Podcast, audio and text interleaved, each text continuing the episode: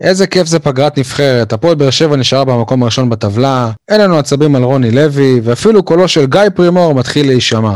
רק חבל שקבוצת הכדורסל יצאה לפגרה משלה תוך כדי הרבע הרביעי במשחק נגד נס ציונה. ספורטקאסט 7 פרק מספר 233, יניב, פתיח ומתחילים.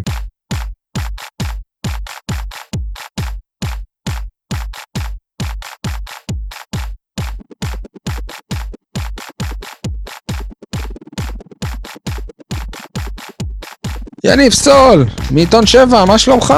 וואלה, יותר טוב כנראה מרמי אדר, שאין בן אדם שמבין יותר ממני בכדורסל, שזה כולם בערך, שאומר שזה הפסד, ש... שלא אומר שזה הפסד של מאמן. עוד נגיע לזה, אבל אני, אני נותן לרמי הפסד בעונה, הוא הרוויח את זה ב, ביושר. עם uh, זה, ואגב, רמי הוא הראשון, אני לא יודע אם זה נכון, אבל רמי הוא הראשון שאם ההפסד הוא עליו, הוא גם יבוא ויגיד, כן, ההפסד הזה עליי. אבל עוד נגיע לדיון על הכדורסל. אה, לא, לא היה מסד בסוף? לא, יניב, זה היה משחק חוץ. אייל, אייל חטב, שבימי רביעי אתם יכולים גם להאזין לו ברדיו דרום, מה שלומך? שלום, שלום לכל הבאר שבעים ואנשי הנגב. שלום גם לניקולס קוליץ' ואיבגן בוניינקו, הזרים החדשים של מ"כ באר שבע כדוריד ומ"כ דימונה. אה, הראשון מסרביה, השני מאוקראינה. בואו נראה האם, האם הם יצליחו לחולל שינוי בנציגות הדרום. הלוואי, הלוואי.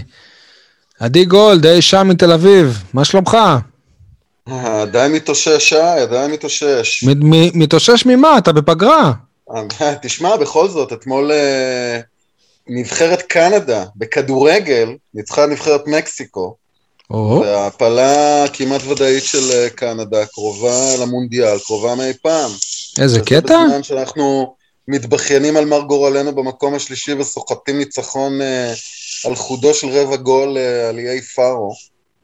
אה, זהו, אז אה, זה לגמרי סיבה להתאושש. אני יכול רק לבשר לך שלמונדיאל הבא בטוח הם יעלו. כי המונדיאל הבא יהיה בארצות הברית, מקסיקו וקנדה. בסדר גמור. אז תשמע, אז יפה, אנחנו הולכים... לא, ל... יש להם דור מצוין, אבל האמת שהדבר הבאמת מעניין לגבי הקנדים, ובעיקר עכשיו שמדברים על זהות המאמן הבא של נבחרת ישראל, שהם עשו שם מהלך די מדהים. המאמן שלהם אימן קודם לכן את נבחרת הנשים של קנדה. זו בעצם הפעם הראשונה, Opa. שמאמן כדורגל עושה את הסוויץ' מאימון נבחרת נשים לאימון נבחרת uh, גברים. רק. אבל בצפון אמריקה כדורגל, כדורגל הוא קודם כל מקצוע של נשים. כאילו, זה הרבה יותר חזק מהגברים שם. זה נכון ולא נכון, כי הכדורגל בארצות הברית הוא כן חזק, למרות שהוא לא הספורט הכי פופולרי בארצות בשנים האחרונות. אבל אני חושב שזה מוכיח, זה מוכיח שני דברים מהותיים. אחד, עד כמה באמת קנדה היא מדינה עם תרבות ספורט מדהימה, והדבר השני, חשיבה מחוץ לקופסה, שזה דבר שכל פעם מחדש ישראל נכשלת בו. שי, לא סיפרת לנו שצירפת לפוד את מיכאל וינסנדנט. יפה, תשמע, הנה, אני לא, אני לא ידעתי על זה. אה, טוב, בסדר, יפה. אגב, אה, ניסו עשה את זה קודם. כן. ניסו אביטן התחיל את הקריירה שלו כמאמן קבוצת הנשים של הפועל באר שבע. התקדם אחרי זה ליגת העל. אה, אנחנו מתחילים... מה בוער אצלך? מה שלומך אתה, שי? זהו, אז אני אתחיל בסיפור שבוער לי לספר לכם אותו. יום שישי שעבר, שעת אה, צהריים, האצטדיון העירוני באופקים. הפועל אופקים רחבים, הקבוצה המאוחדת שנלחמת על חייה בליגה. לא, לא, אתה, אתה תאהב את הסיפור, אל תעשה... אתה יח"צ אחד גדול היום. לא, אתם, אתם פשוט לא מאמינים בי, אתם לא מאמינים שאני הולך להביא לכם סיפור, חבל לכם על הזמן. ספר, ספר. בקיצור, קרב, uh, קרב תחתית לוהט, בערך בד... התוצאה היא 1-0 לצעירי רהט, משער של סלמן אלוזייל האגדי, דרך אגב, שהוא גם המאמן וגם שחקן. Uh, אחד השחקנים של אה, צעירי רהט עובר מהספסל לחדר ההלבשה, ואומר, אני לא מבין את זה, בעברית, זה שחקן יהודי דרך אגב, אני לא מבין את זה, כל השבוע אני כמעט היחיד שבא לאימונים, ובסוף אני לא אה. פותח, ולא מחליף ראשון, אה, סול, פתאום מה? מכיר, אני מכיר. אני לא מחליף ראשון, ויורד בעצבים, והולך להתקלח, וצועק ליושב ראש, תחתום לי כבר על שחרור, נמאס לי מהמקום הזה. וכולו רותח, ואז אבא שלו, בן אדם כבן 70, יורד מהיציע, ואני כבר אומר, וואו, וואו, יהיה פה בלאגן עכשיו. כאילו, אני בראש שלי, אתם יודעים, אב- אב- אבות של שחקנים, זה כאילו יעקב בוזגלו הם כאלה. אבא יורד באלגנטיות, בג'נטלמניות, בא אליו, אומר לו, תירגע, תיכנס, ל- יתקלח, הכי חשוב שמובילים, הכל יהיה בסדר. ומשהו הרגיע את הילד, הילד כנראה יעזוב את הקבוצה, אבל עדיין זה היה מדהים. ויניב, אתה כנראה יודע, אבל מי זה הבן אדם הזה? מי זה האבא? אה, האבא שיחק אצל אמציה. האבא זה שיחק, אצ- האבא כיכב אצל אמציה. כיכב אצל אמציה לבקוביץ'. אני מדבר על מאיר ברד, שזה היה, והילד זה אה, אור ברד. זה היה מדהים לראות את, אה, את, מאיר, את מאיר ברד ככה, כאילו, באמת, ואז אתה אומר, וואלה, כל הכבוד. אישיות, חבל הזמן, אני... אני אור זה. ברד, אה, כן, אור? אני חושב שקוראים לו אור, כן. זה לא הדר, לא הדר זה ש- שבהפועל באר שבע היה ב... לא הדר ולא ניר. אני לא נכון, יודע אור. שקוראים לו אור. אור. בסדר, אז אולי אני טועה, אבל זה באמת היה, אני ראיתי את זה ואמרתי, וואלה, איזה גבר מירו, כאילו, חבל הזמן. אני לא ראיתי אותו משחק, אבל... לא, אה, הבאת סיפור, הבאת סיפור יפה. וה- וזלזלתם אתם, נכון? זלזלתם, "אה, הוא הולך להגיד עכשיו זה, הוא יפרגן לאופקים כי הוא גר אה, באופקים. לא, הקטע כן. החזק זה ששחקן ברמה של אה, מאיר ברד עדיין בא לראות את הילד שלו משחק בתחתית ליגה ב'. לגמרי. אור ברד, אה, למרות שהוא לא פותח פברואר בהרכב. 1986, אזרחות ישראל. כן, אור ברד אה, קוראים לו לפי אתר ההתאחדות לכדורגל. אוקיי. כל הכבוד, משחק בגיל 35 עדיין. כן. אה, בצעירי. אגב, אבל מה שהכי הכי מצחיק, שאנשים של אופקים הם ראו את זה, זה, זה כבר סיפורי רז זהבי. אז היושב ראש של אופקים בא ואמר לו, תבוא לנו ביום אה, ראשון להתאמן אצלנו. ככה זה... זה- זה... הוא התכוון לאבא או לבן? רגע, אבל שי, בוא תן פרסום ראשון, כי הרבה לא יודעים. כובש השער של אה, אופקים. שחקן, שחקן עבר של הפועל אה, באר שבע, יו- אגדי. יוני אליאס, כן, יוני אליאס. מוצ'ה. כן. אה, זהו, מה. יש לך לומר עליו? האמת שלי יש הרבה מה לומר עליו. לא, רציתי אתה לא ראית אותו משחק, אני ראיתי אותו משחק שני כבר העונה משחק, רגע, כי... שי. מה? אה, אני קצת, אה, יש לי בעיה איתו, כי אה, מוצ'ה אליאס גדול על אה, אופקים, אבל אה, הוא משחק אותו רונלדו. אני פניתי אליו השבוע לראיין אותו, ווואלה, ב- בליגה ב' אפילו לא זכיתי לתגובה של לא מעוניין, לא רוצה, שום דבר. ראה את ההודעה אה. ולא לא הגיב. אה. לא הפנה אותך לסוכן? לדעתי זה בקטע לא. שהוא, אה, שהוא, שהוא, שהוא מתפתח שהוא שם. לדעתי. בלי אבל קשר אם איך אתה זה קרה מדבר... בעצם? איך מישהו שדיברו עליו בתור פוטנציאל, פרוספקט, להיות באמת אחד מהמוצלחים, והוא מה מסתובב, והוא מסתובב, לא, לא נעים להגיד, בקבוצות הפח של ליגה ב', כאילו אופ- אופקים הם מקום אחרון, לפני זה היה בשדרות, שאופקים ניצחו אותם, בגלל זה ראי, ראי, ראיתי אותו כבר פעמיים העונה, ראיתי אותו? במדי שדרות. מנטליות. לא יודע, אני לא יודע, לדעתי, גם ממה שאני רואה ממנו משחק, כאילו, לא יודע, הוא, הוא לא... הוא, הוא לא מוצא את עצמו, הוא לא במקום הנכון על המגרש, לא, זה הכל גם תלוי, לא יודע, משהו מוזר שם, אבל בהחלט הלך לאיבוד הילד. ועדיין צעיר מאוד, עדיין יכול לתקן את הקריירה. כן, אבל uh, לצערי אני לא רואה את זה קורה, הלוואי שאני טועה. לא אבל אני עוד אה, אמשיך. לעדכן אתכם, כי האצטדיון הוא פחות מקילומטר אה, קו אווירי מהבית שלי. השאלה הנשאלת שוב, האם לא יקרה לו תומר חליבה בכל זאת? הלוואי. האיש שהצליח לשקם את עצמו ומליגה ב' אה, בכל זאת הגיע... משגב שלום. כן? כן? שגב כן. שלום, חזר להפועל באר שבע. כן. נראה ובגדול. לי שבמקרה הטוב הוא יתפרסם אם הוא ישתתף במרוץ הלילה של אופקים. או-אה. אה, סול, מה בוער בך? איי פארו, אני חוזר, איי פארו הפקיעו שני שערים לנבחרת ישראל. הסיכויים לכך שאיי פארו בכלל יפקיעו שני שערים לקבוצה אירופית נמוכים למשל מהסיכויים של יוספי לפתוח אצל רוני לוי, נמוכים מהסיכויים של אבו עביד לבשל יותר מדדיה, ונמוכים מהסיכויים של רוני לוי להיות אהוב הקהל. ועדיין, שני דייגים ומוכר מזרונים דאגו שאיי פארו תפקיע שני שערים לנבחרת ישראל. ויש פה מישהו ש... סליחה. שסיימת. פשוט יש פה מישהו שמומחה במוכרי מזרונים, אתה יכול לשחק בנבחרת שלהם, סול. ואני עדיין אבקיע שער מול נבחרת ישראל. טוב. אה, טוב, נבחרת ישראל מאוד רלוונטי לפוד שלנו. רלוונטי, רלוונטי. למה- שם רלוונטי? זה לא... ההגנה הייתה... למה. רלוונטי? כי אתה, וגם טיבי כי שיחק. אתה מדבר על כדורגל ישראלי, וזה כדורגל ישראלי. ויש לך שחקנים בנבחרת, וזה מעניין. טוב. אייל, מה בוער בך? בוער בי לדבר על מצבה של הפועל באר שבע כדורסל, אבל לפני כן אני רוצה להגיב לדרישת השלום של יניב בתחילת הפרק, שלא, למי הוא מסר את השם? לא זוכר כבר. הוא, הוא מתח איזושהי ביקורת מרומזת על רמי אדר, שלא לקח אחריות אחרי ההפסד. יניב, קודם כל של נעליך מעל רגליך כשאתה מדבר על רמי אדר. דבר שני, איפה אתה רוצה שהוא ייקח אחריות? בעשרות כלי התקשורת שצובעים עליו אחרי משחקים? רמי, מחכים למוצא פיך? מי? מי ראיין אותו? מי שאל אותו? מי דיבר איתו? מאיפה אתה יודע שהוא לא לקח אחריות?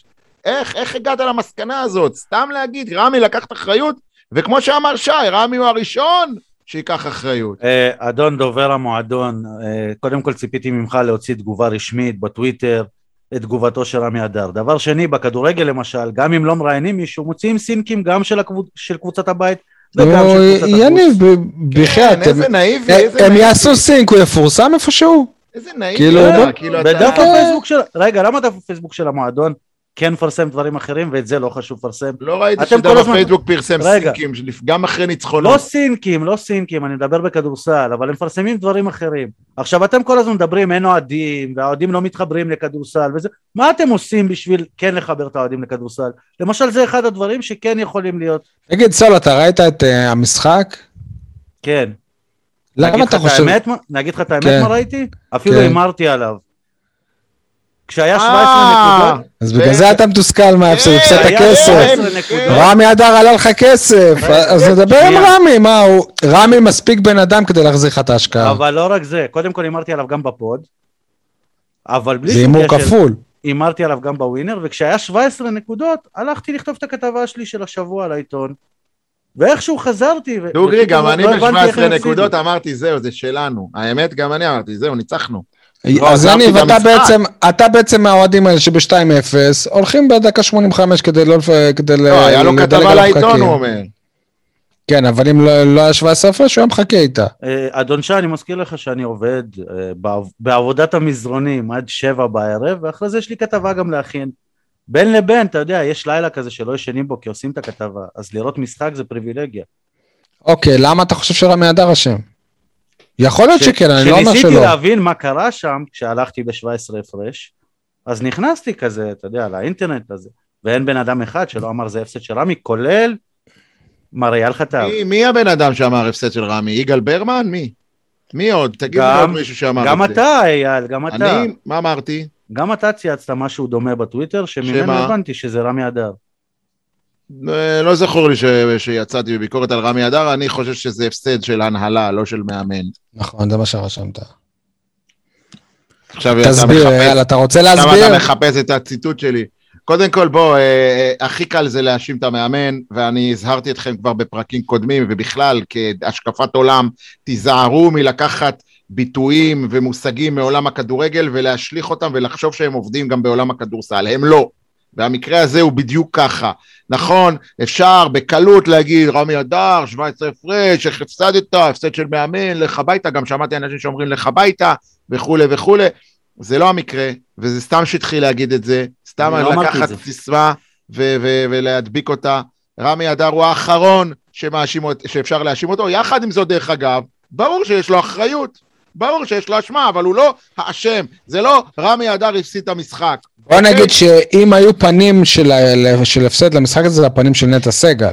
בדיוק. אבל רגע, נטע, סגל כדוגמה.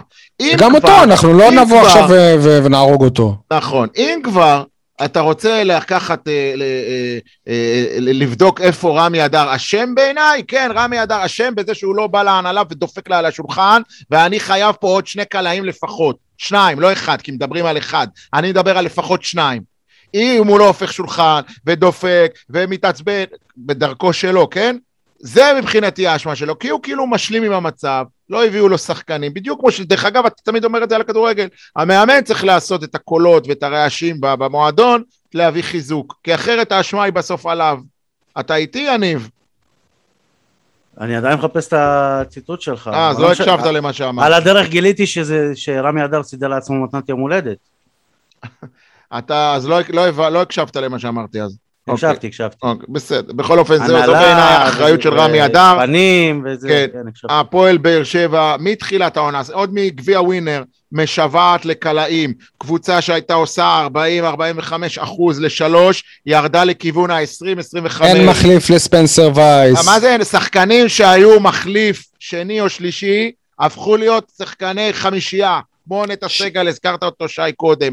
לעומת זאת, שחקנים שבעונה שעברה, כמו עמית זיס, שהיו מייצרי נקודות, הפכו להיות היום, סליחה שאני אומר, אני אוהב את עמית זיס, חוטבי עצים ושואבי מים, לא מייצרים... וגם ווריק לא בכיוון העונה. לא ווריק ולא עמית זיס. אותם שחקנים שהגיעו ל-17 הפרש ושניצחו משחקים אה, לפני זה.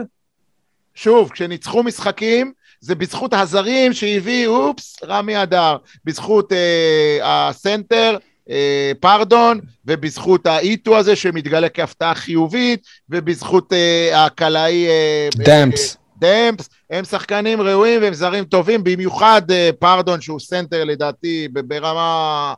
לא אתפלא אם ייקחו אותו בעונה הבאה אחת הגדולות, אוקיי? אבל אה, להאשים את רמי אדר בזה שהוא עושה מכלום, הוא עושה משהו, הוא.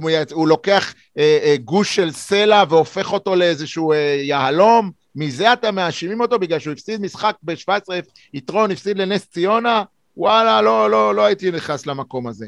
יש לבאר שבע, אה, אה, יש להפועל באר שבע הרבה נקודות תורפה השנה, רמי אדר אה, מטפל בכולם באמצעים הדלים שלו. אין לנו אייל. אף ישראלי בכיר. אתה שומע בכל קבוצה בליגת העל, בכל קבוצה יש אחד, שניים לפחות ישראלים בכירים. אין לנו אחד כזה. אחד. לפני שנה היה לנו את ספנסר וייס. הוא לא היה נכון. ישראלי בכיר.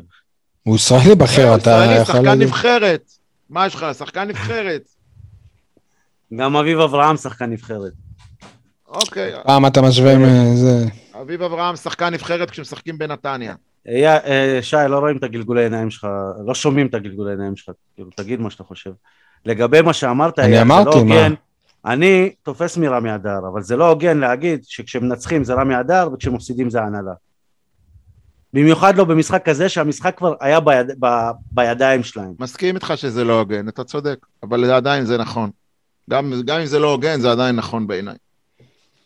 גם אני- זה אני. בטוח, אני זה בטוח כאילו שרמי היה גמור. אחרי משחק כזה, אני בטוח שרמי היה גמור אחרי משחק כזה. אתה זוכר את המשחק נגד הרצליה? דיברנו על זה בפרק הקודם.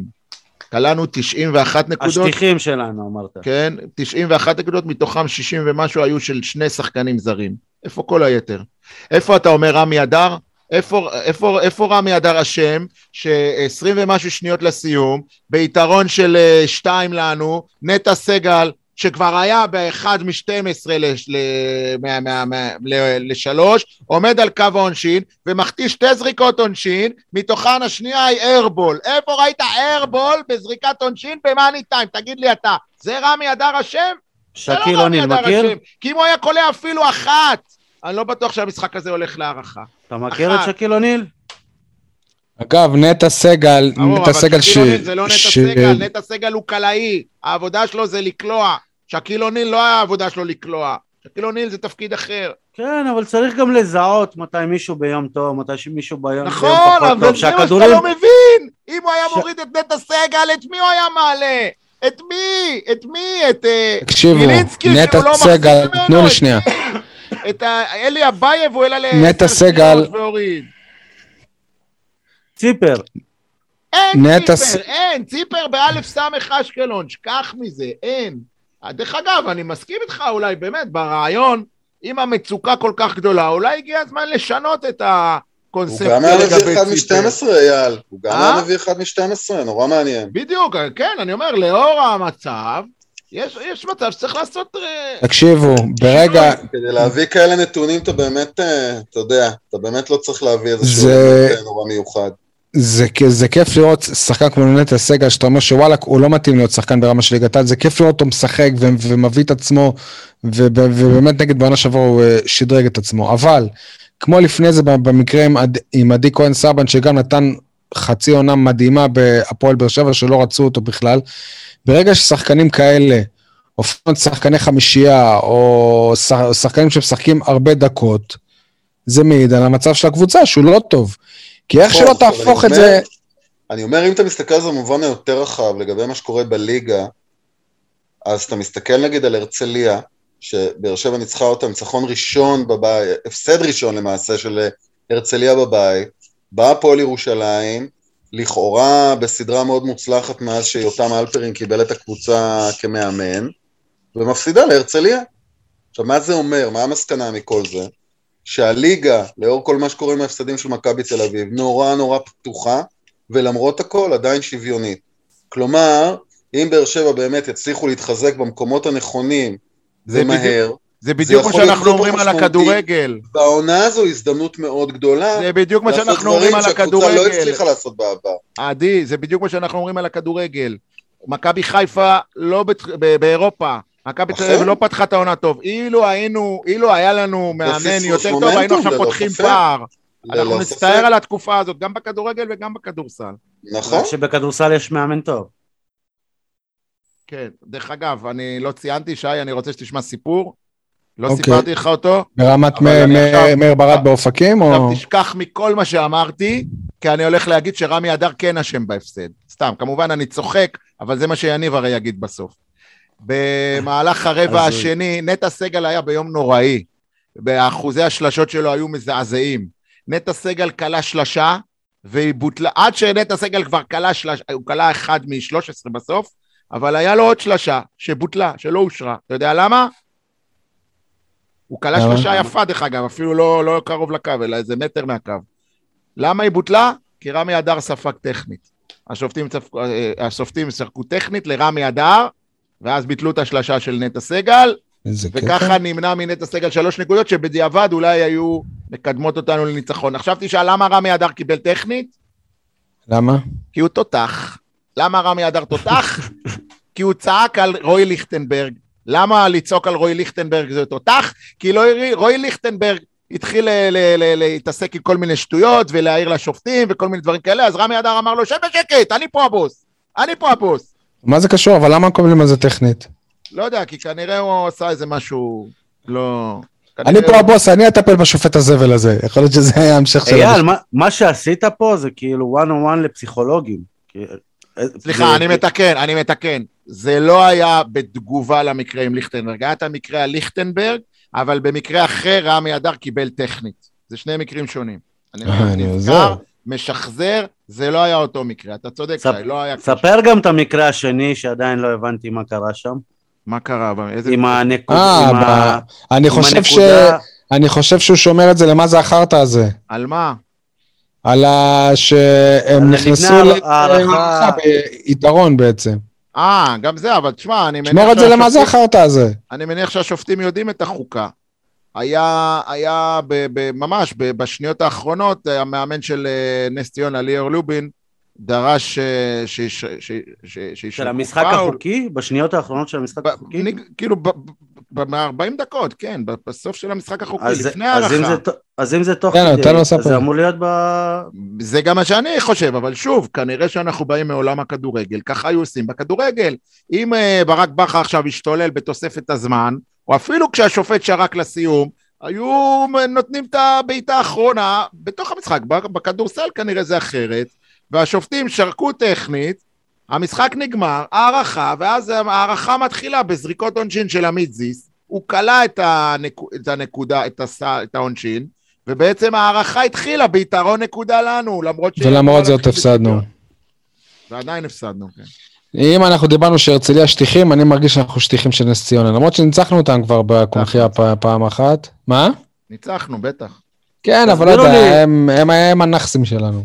תסבירו לי עוד דבר, אני עד, ש... עד שהפסקתי לראות את המשחק, ראיתי שם הצגה של שחקן ש... ב... ברמה של NBA, שזה דמס.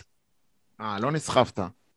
ממה שאני. ראיתי עד עכשיו, ב... בדקות שאני רואה, רבע שלישי, כל זריקה שלו סל. לא, לא, הוא עשה שם את הכל, התלהבתי ממנו מאוד. אוקיי. מהרגע שהפסקתי לראות, איפה היה ש... שבאר שבע ככה? הוא יצא בחמש עבירות. אוקיי. אה, בערך אה, ארבע, חמש דקות לסיום הוא יצא בחמש עבירות. ואז בעצם אה, נס ציונה כבר, לנו לא היה תשובות אה, התקפיות. דרך אגב, עוד משהו שחשוב לספר או לעדכן, אני לא יודע אם שמעתם על זה, אבל יש החלטה של איגוד הכדורסל העונה, שלמפעל הגביע, גביע המדינה, משחקות רק שמונה הראשונות בסוף הסיבוב הראשון. לא הבנתי. אז יכול להיות שלא נהיה בגביע? בדיוק. עכשיו, למה בקבוצה... מה זה השכונה הזאת? זה איגוד הכדורסל, מה זה השכונה הזאת?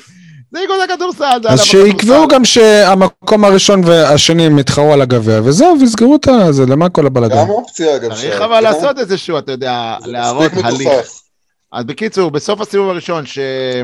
שיהיה, לכן הקבוצה כל כך לחוצה, או כל כך רוצה להגיע לשמונה הראשונות, בסוף הסיבוב הראשון, כי מי שיהיה שמונה, תהיה שמונה במקום שמונה. אבל אל תגיד לי שגם אין הגרלה והמקום לא, הראשון יהיה מקום... אה, אני מקווה שזה לא יהיה כמו... איגוד הכדורסל כבר, אני לא יודע על מה לחשוב. שמונה נגד אחד ושבע נגד שתיים, אני מקווה אגב, אותו גם לא תהיה מנהלת הליגות. אה, אתה מבין אבל למה כדורסל זה ספורט שאנשים לא מתחברים אליו ברמה כזאת? לא, כי הכדורגל פה לא שכונתי בכלל, כי ההחלטות בכדורגל הן תמיד הגיוניות. לא הגיוניות, אבל בכדורגל יש רומנטיקה, בכדורגל אתה יכול, יש סינדר סינדרלות. אתה יודע איזה רומנטיקה הייתה כן, השבוע בין גליל עליון לגלבוע גליל?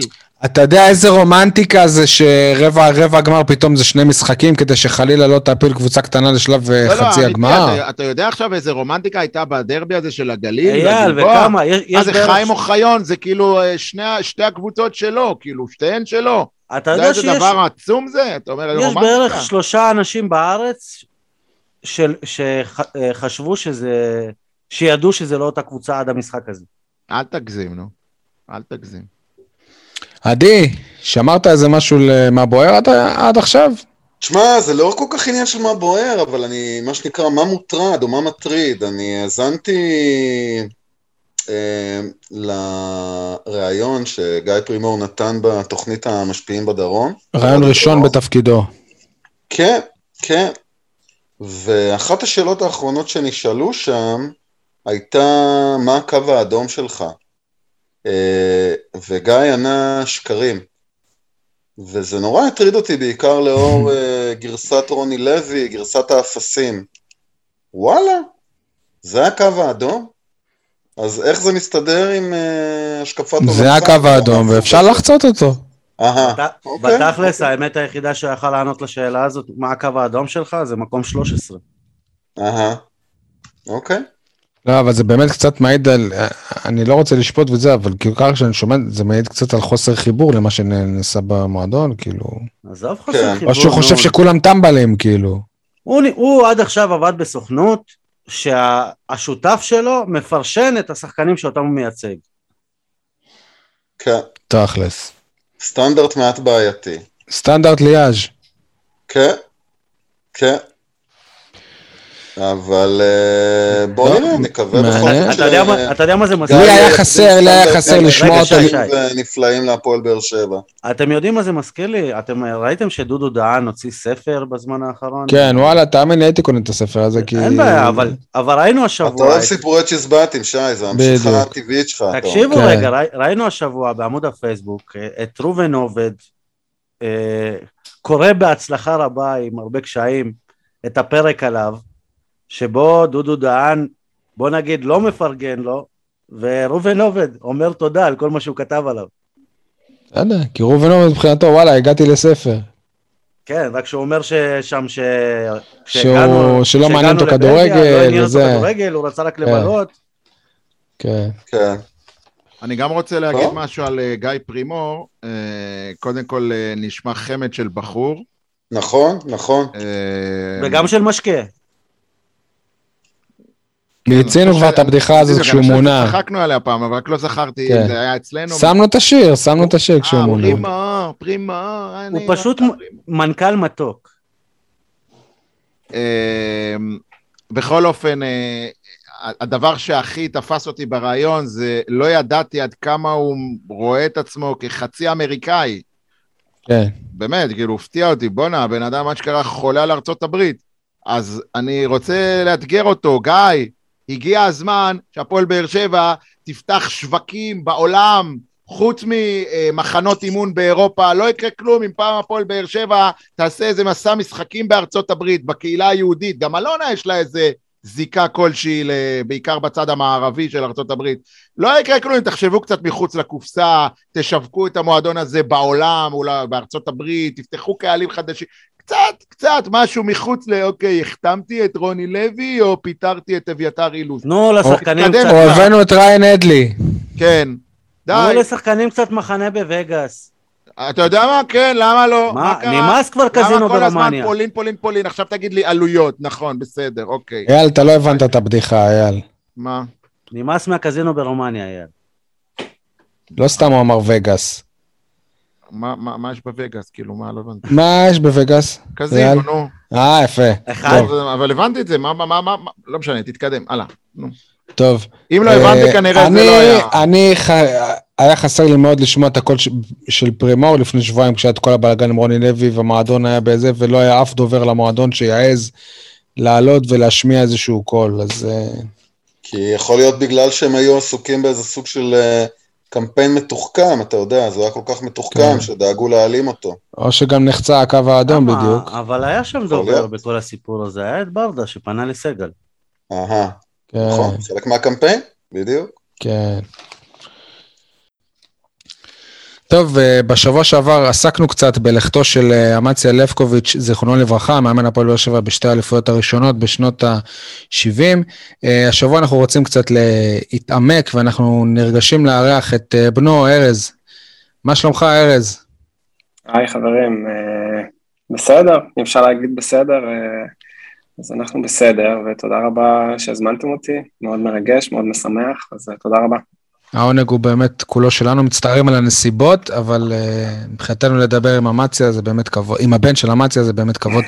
ארז, uh, רק על, על, על, על המשפחה קצת, כמה אחים אתם, איפה אתה ממוקם בטווח ה...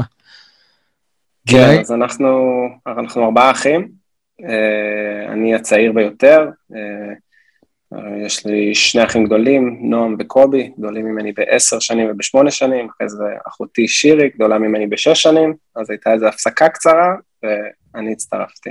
ובן כמה 40. אתה? אני בן 40, ב- בן 40, אוקיי, אז כן. זה כאילו, אתה כמוני בעצם לא, לא היית כאן כשלא היית בחיים, כש, עדיין כשהפועל באר שבע זכתה באליפויות עם uh, אמציה, אז כמוני אתה רק שמעת על זה מסיפורים. ממש אה, ככה. ספר לנו קודם באמת על השבועיים האחרונים, כמעט שבועיים מאז uh, לכתו, מה עבר עליכם. אה, וואו, כן, האמת שזה ממש היום בלילה, שבועיים בדיוק.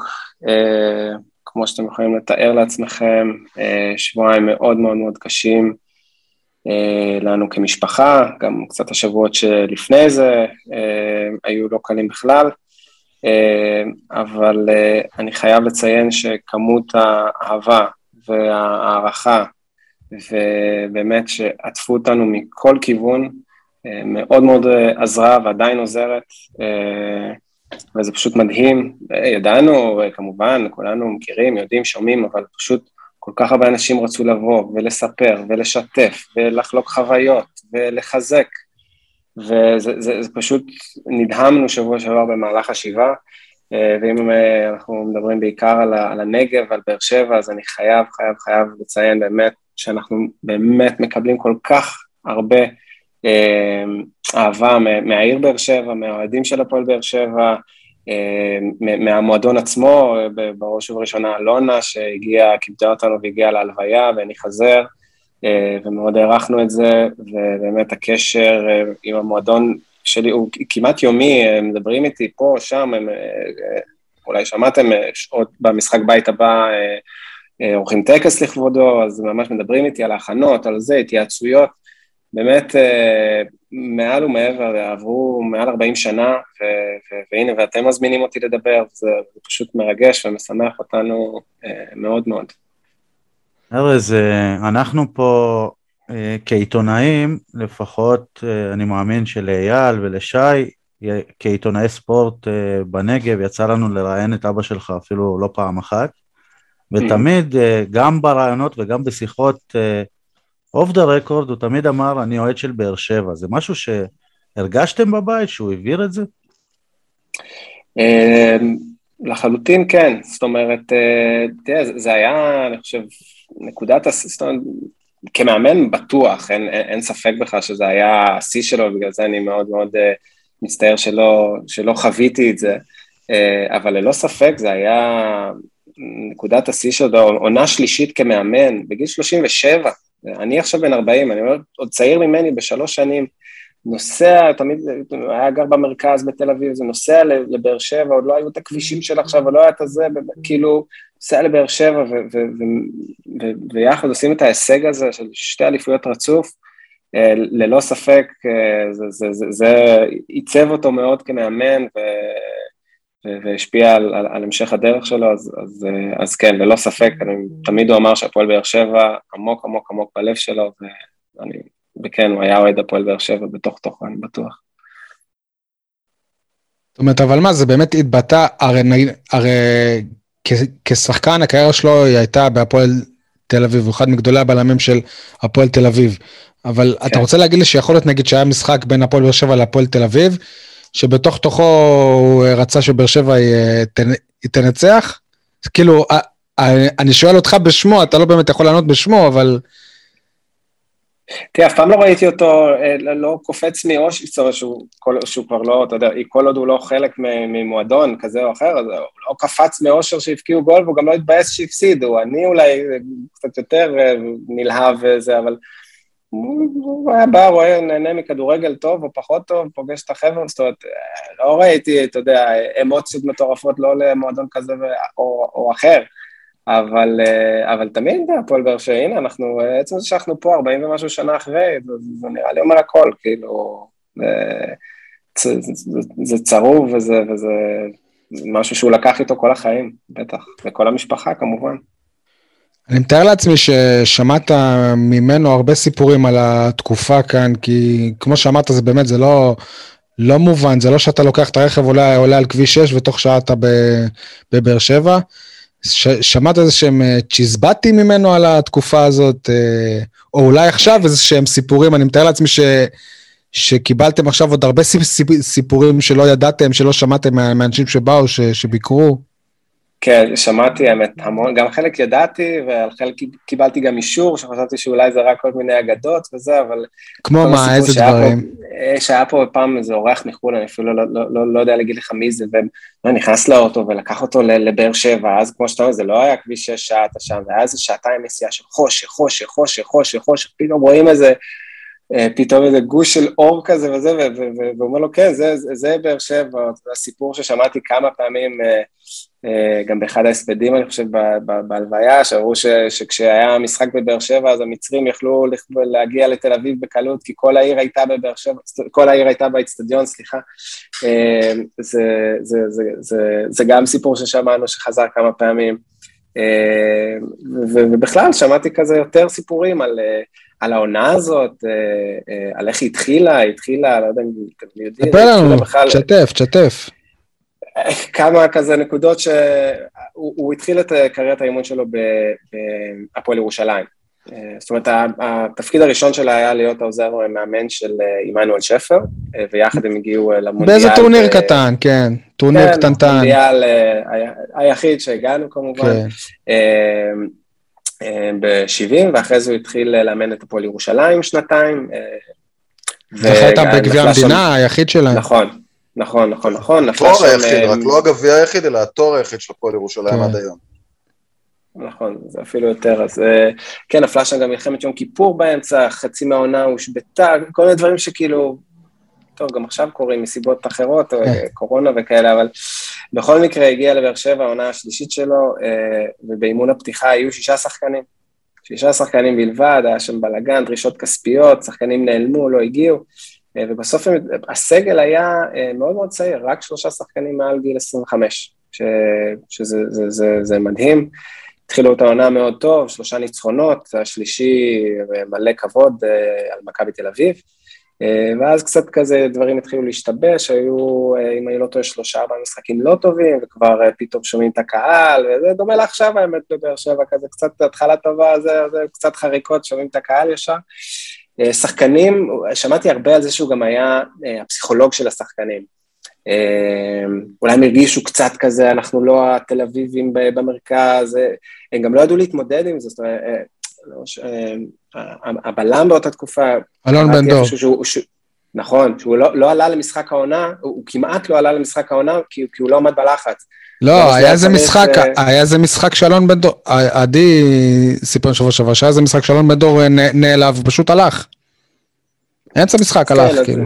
אז, אז היו כל מיני לדבר עליו. כן, אתה, אתה, אתה מתכוון כנראה לסיפור של מאיר ברד, שלא רצה לבוא למשחק ב, בירושלים, ובסוף הוא בא למלון, ופה ושם. כן, אז, אז, אז אתם, כנראה יש לכם גם יותר סיפורים ממני, אבל...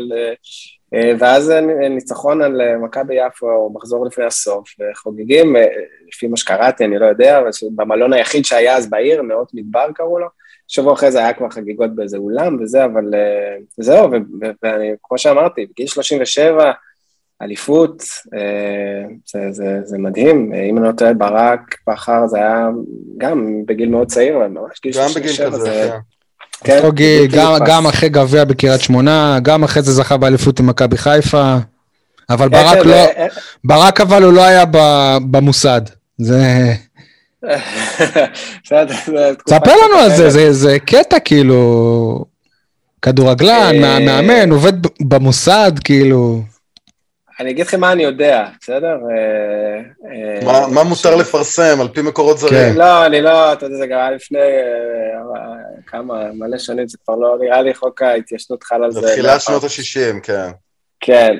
60 שנה אחורה. לפי מה שאני גדלתי עליו, ושאני יודע, הוא בכלל לא היה במוסד, הוא היה רק בשב"כ. אז שחקני כדורגל, בניגוד גמור לעכשיו, כנראה גם לא הרוויחו מספיק, לא יכלו להיות רק כדורגלנים, אז כל אחד היה לו עוד עבודה.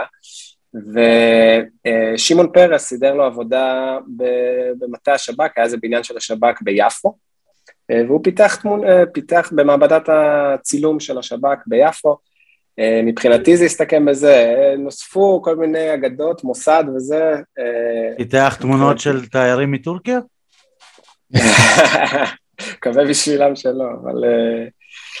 אה, אה, אז, אז מבחינתי זה אה, הסתכם בעבודה בשב"כ ולא לא, לא, לא במוסד, הוא גם היה דמות כאילו, בכל זאת מוכרת, מפורסמת, נראה לי שבמוסד הוא לא היה יכול להיות, אבל לא יודע, אם אנשים נהנים גם עם הסיפור הזה, אז, אז גם שמה, עד עכשיו אתה סיפרת לנו סיפורים ש, שלא, שלא היית נוכח להם. בוא, נכון. בוא תספר לנו על אמציה, האבא, הסבא.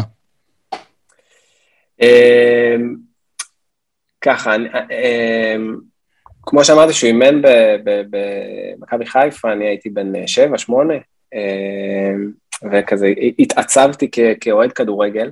כמו שאמרתי, שוב, אמרתי... אל תגיד את זה. לפני, אוקיי. אל תגיד את זה, כי מרגיש לי שאתה לא, מרגיש לי שאתה לא אוהד של הפועל באר שבע. לא, אז בסדר, אז תשכח מהמשפט האחרון. בכל מקרה, אה, זה, זה, זה חוויה להיות כאילו, אתם כאוהדי זה, אתם מרגישים את ההתרגשות הזאת, אני בטוח, לפני כל שבת או ביום של משחק, מרגישים את ההתרגשות הזאת, אבל בקטע חיובי. אה, משפחה של כדורגל, שאתה יודע שיש אבא שהוא מאמן כדורגל, מיום שישי, אה, ארוחת שישי, קידוש, עניינים, פתאום נכנס איזה מתח כזה ששבת, הכל כזה רגוע, שקט, לא, לא, לא, לא כל אחד נכנס, הוא בעיקר לזון שלו, אה, אה, נוסעים ביום, אה, ביום שבת כבר בצהריים, הוא בדרך כלל לקח את שני האחים הגדולים שלי, את נועם וקובי, למשחקים, והם נסעו כבר, אתה יודע, לא מגיע למשחק, מן הסתם מגיעים כמה שעות לפני, וכאילו, כולם דרוכים, אין כמובן שידורים, אין אינטרנט בזמנו, אז רק אני ואימא שלי ואחותי יושבים שירים ושערים, זה, זה כאילו, כאילו, אתם מכירים, זה מה שהיה. אה, ויושבים ואוכלים גרעינים בבית, אה, ואז פתאום יש את הבום, כל זה, ואתה כאילו, נעצר לך הלב, ואז פתאום שעוד אומרים שזה במגרש שאבא שלך משחק, בקיצור, אתם מבינים? אה, בסוף, במוצאי שבת, אם, אם היה ניצחון, אז אווירת חגיגה בבית, ואם היה הפסד, אז מחכים ליום ראשון שיעבור, באמת אווירה... לא, לא נעימה, אה, מן הסתם. אה, מאמן כדורגל זה, זה עבודה קשה, זה עבודה קשה. אז גם משפחה של מאמן כדורגל זה לא פשוט לפעמים, אבל... אה, אגב, הוא לא, הוא, הוא לא הרגיש שהוא פרש מה, מהקטע של האימון מוקדם יחסית? הוא, הוא הרי גם התחיל מאוד מאוד מוקדם, כמו שאמרת, נכון. אבל... נכון. הוא סיים את הקריירה, כן, זה היה כזה בבית"ר ירושלים, אחרי כמה מחזורים, אה, זה לא הסתדר שם. אה, אני הייתי עוד, עוד, עוד לא מבוגר מספיק, אז, אז אני לא יודע לספר לך את התחושות ואת הזה מאז, אה, אבל כן, אני מניח ש, ש, שזה יכול להתפתח גם ל, ל, לכיוונים אחרים במהלך הקריירה, אה, אבל, אה, אבל אני חושב ש, שהוא סך הכל היה, וגם אחרי זה הוא המשיך, זאת אומרת, באיגוד המאמנים, אה, ועדה, אה, ועדה מקצועית של ההתאחדות, זאת אומרת, הוא המשיך לעסוק בכדורגל, פשוט לא, לא, לא כמאמן. עם אילו? תחושות הוא, הוא הסתובב בעצם? הייתה לו איזושהי תחושה של החמצה, עצם זה למשל שהוא לא אימן את נבחרת ישראל למרות שהגיע לו? אה, אני חושב שכן, אני חושב ש... שוב, לא יודע לספר את זה כזה, מ, אתה יודע, מסיפורים ששמעתי בעיקר אה, במהלך השבועיים האחרונים, שזה משהו ש, שצבט לו, אה, שהוא, שהוא כן, שהוא, שהוא היה צריך בזמנו אה, לאמן את נבחרת ישראל, אה, וזה, בוא נגיד, אה, משהו שהיה, שחסר לו ב, ב, בקריירה שלו, כן, ללא ספק. תגיד, אבל כ- כדורגלן, אה, כדורגלן טוב, מאמן וכל זה, בדרך כלל מי שאחד ההורים שלו כל כך חזק בספורט, גם אחד הילדים לפחות אה, יגיע לשם. איפה אתם בתמונה? אה, אז האמת שגם אני וגם אה, קובי, אח שלי, שיחקנו כדורגל. אני במכבי הרצליה, גרנו ברמת השרון, אז גם שיחקתי במכבי הרצליה. אה, הגעתי גם לנבחרות, הנערים, וזה, איפשהו שהגעתי לצומת אה, באזור כיתה י"א כזה, שאתה צריך להחליט אם אתה מתקדם לנוער ו- ו- והולך על זה כאילו, או שאתה עוצר בנערים א' ו- ופורש בשיא. אה, אז החלטתי שאני לא רוצה להיות כדורגלן שאני גדול, והייתה, זאת אומרת, הייתה תמיכה מאוד מאוד מאוד גדולה. זאת אומרת, אבא... זה לא ביאס את בא- אבא שלך? אמ, גם אם כן, הוא לא הראה לי את זה.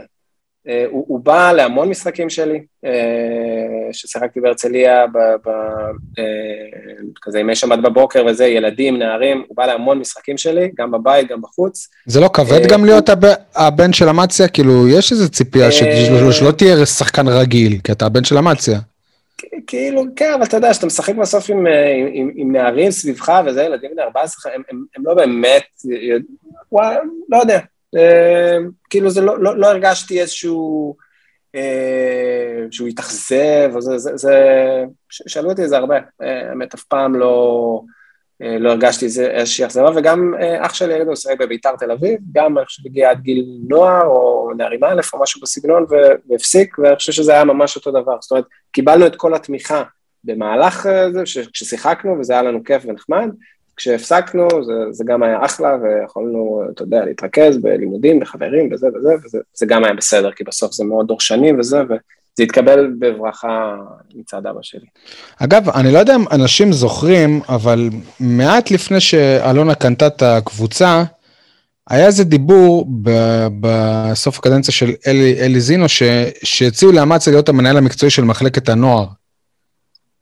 אתה שמעת על זה משהו? אתה יודע מה זה? כי אני, כי אני זוכר אה, שזה, שזה פורסם, היו דיבורים. אני לא, אני לא, זו- ש- יכול להיות שזה היה פה, וש- לא, לא, לא משהו שאני יכול להגיד לך שממש אה, הייתי עד לאיזה משא ומתן שלא הבשיל או משהו כזה, לא, לא, לא זוכר דבר כזה. אבל זה מצלצל לי מוכר, אבל לא, לא היה משהו, אני חושב, יותר מדי רציני. תגיד לי, בשבעה עכשיו היו באמת אנשים שבאו מבאר שבע כדי לנחם אה, אתכם? כן, כן, כן. אה, מי כמו- האנשים ש...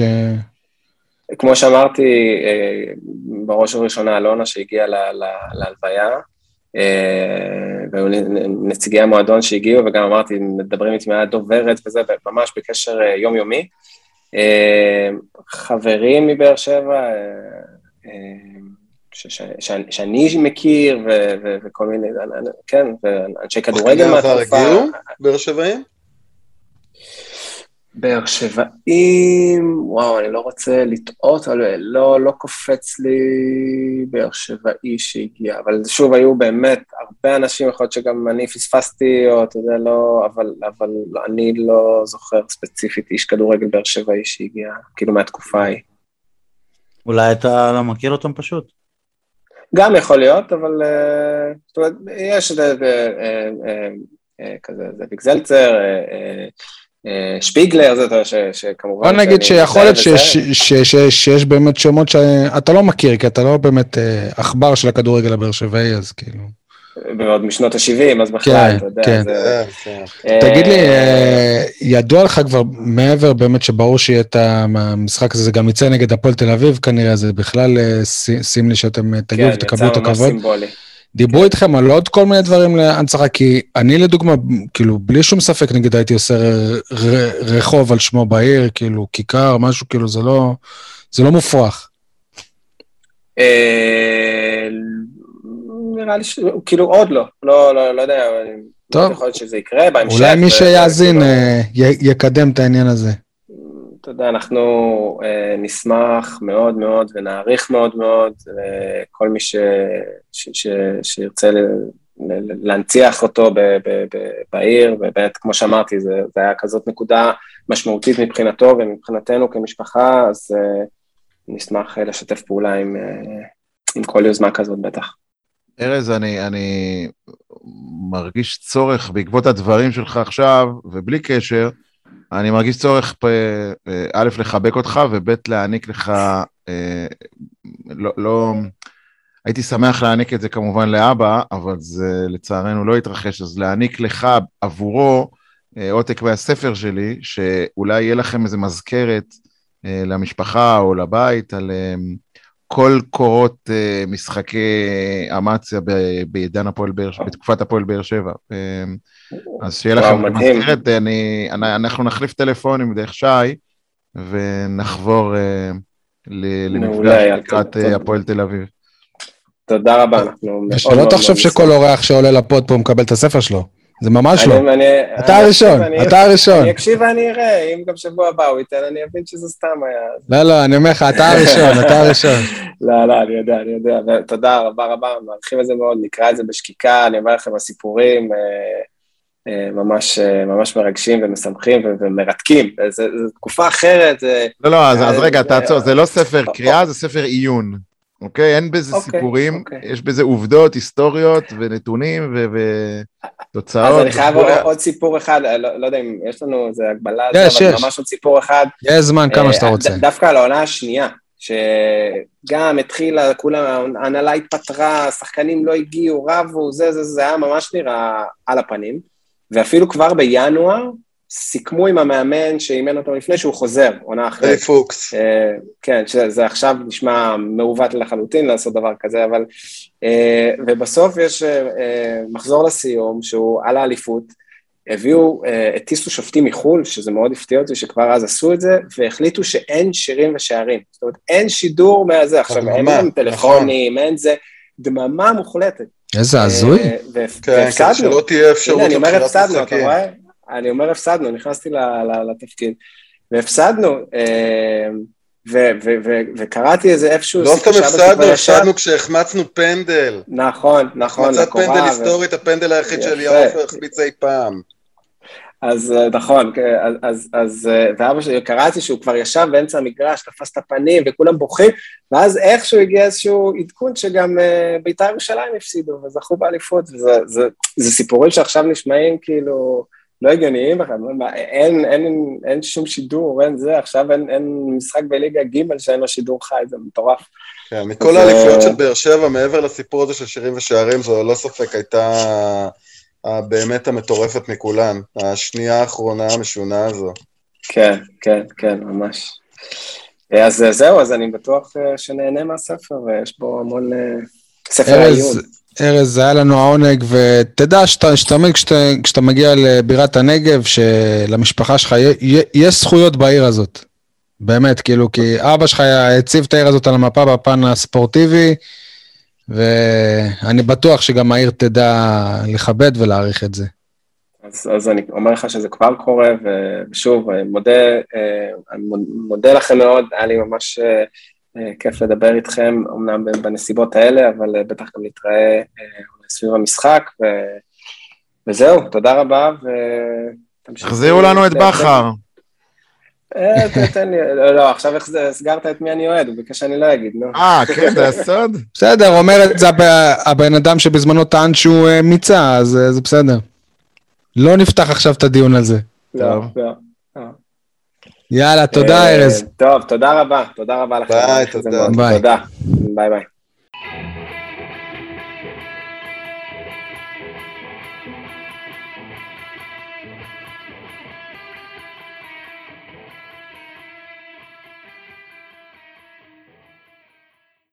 אוקיי, הגענו לפינות. יניב, כולם מדברים על? כולם מדברים על מפגש האוהדים של פרימור וברדה, במקום לדבר על זה שאנחנו במאה ה-21. אה, סבבה שיש מפגש אוהדים, אבל 400 המאושרים היו יכולים לזכות בלשאול אותו שאלות, אבל למה כל השאר לא רואים את המפגש הזה ברשת? אפשר היה לשדר את המפגש בדף הפייסבוק של האוהדים, אפשר היה... אה, רוני, הזבל, אליניב! תגיד לרוני שלא יבוא לטרנר! לא שיעלו שאלות, אתה אבל רוצה לראות? לראות. למה לא? יאללה, אני מזכיר לך שרק לפני תקופה לא כזאת ארוכה היה להפועל הפועל באר שבע איזה מין יושב ראש שאמר אנחנו נעשה זום כל חודש חודשיים עם האוהדים פתוח וזה. אגב, גם ידעו את השאלות מראש עכשיו לפני ה- זה, זאת אומרת, לא כל אחד יכל לצעוק מה שהוא רוצה, אייל. אה, באמת ידעו את השאלות מראש? הם, הם היו צריכים לשאול את השאלות מראש, האנשים. אה, אייל, כולם מדברים על?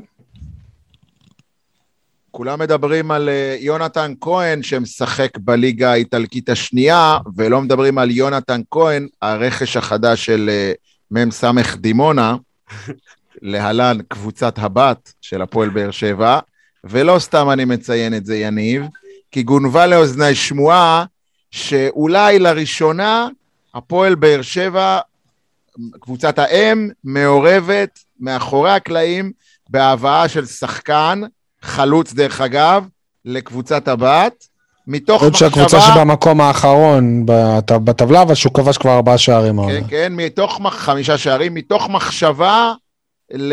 ל... ל- לבחון אותו מקרוב. לבחון, לראות את ההתפתחות שלו, ובעוד שנה, שנתיים להביא אותו להפועל באר שבע בליגת העל. אז אה, אה, ראוי לעקוב אחרי יונתן כהן ממ"ס דימונה. אבל מה זה החרטא הזה שאתם לא מבינים את הפואנטה של הפינות? כשאומרים כולם מדברים על, וואלה, לא כולם מדברים על יונתן כהן הזה, בטח דיברו עליו. על. תגיד, אתה אמיתי? עזוב אותך, נו. דיברו עכשיו בשבוע הנבחרת, איך יונתן כהן... בטח, על זה שהוא לא משחק באיטליה וזה. רק עם ליגיונרים. אגב, הוא אה, התחתן. יונתן כהן. על. זה אולי כולם אה, דיברו. טוב, אה, אה, עדי, כולם מדברים על? כולם מדברים על אה, ברקוביץ' ובכר כאופציות לאימון הנבחרת, אף אחד לא מדבר על רוני לוי. איך זה קרה? הוא בשל, לא? ויוסי אבוקסיס, שכבר היה... האינטרס שלנו, בוא נחשוב על האינטרס שלנו. כן. מה, איך זה קרה? באמת. בואו נתחיל בקמפיין, רוני לוי לנבחרת, כמו שעשינו עם הנבחרת. מספיק משעממת כדי שרוני לוי יאמן אותה, לא? תכלס. כן. אה, אבו עביד כבר שם. אם אתה כבר לנבחרת, אז לי יש שני, כולם מדברים על שקשורים לנבחרת. כולם מדברים על זה שההגנה של, של הפועל באר שבע מורכבת משחקני נבחרת.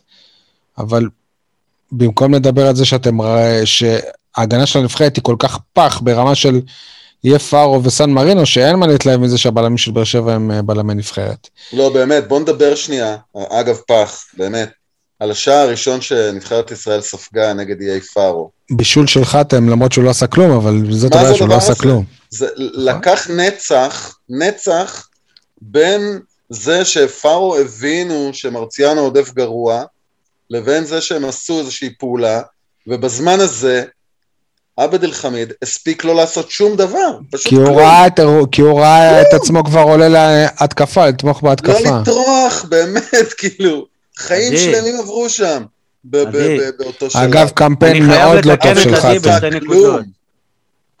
עדי. אה, שתי נקודות. אה, כמו ברנג'לינה, עבד אל חמיד זה יפה, אבל אה, זה חאתם אל חמיד. לא, גם לפעמים קוראים לו גם חתם עבד אל חמיד. חאתם עבד אל חמיד. כן.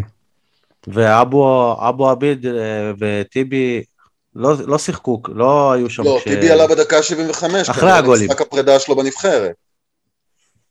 כלומר, אמרתם פה שה, שההגנה של באר שבע, הגנת נבחרת וזה, אבל רק חתם היה בגול הזה. לא. משנה, אבל בכל הקמפיין לא, לא, הזה לא, זה לא, בלמי נבחרת.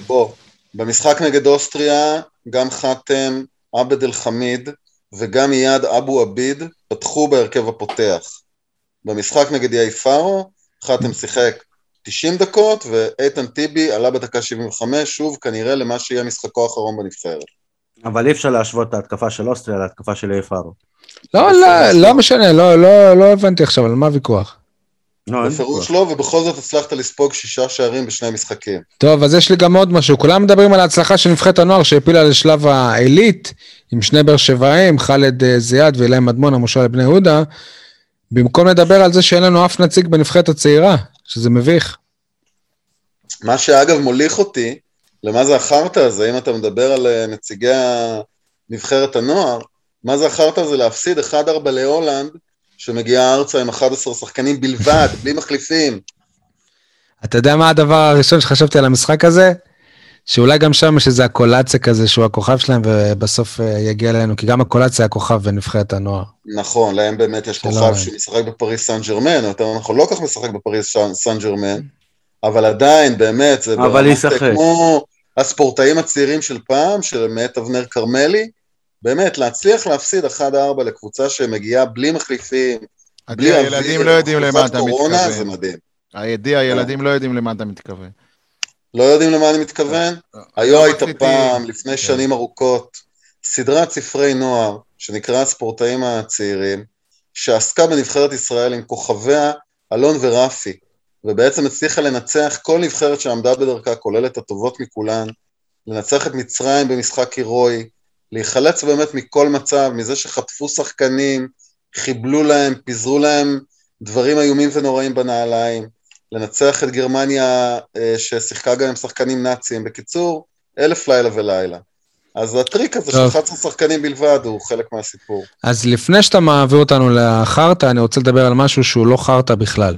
אוקיי, אז uh, ביום uh, רביעי יהיה מרוץ באר שבע, אחרי שנה של הפסקה בגלל הקורונה, ולראשונה יהיה אפילו בעיר באר שבע חצי מרתון, 21 uh, קילומטרים, ואני רוצה ל- להגיד שלום לאחת uh, ארצות ה... בוא נגיד הכי בכירות ב- בעיר שלנו, דבורה יוגב. לא, ותיקות, ותיקות. ותיקות, בהת- בהתאם למעמדך את גם בכירה, מה, מבחינתנו את אה, בכירה. דבורה יוגב, מה שלומך?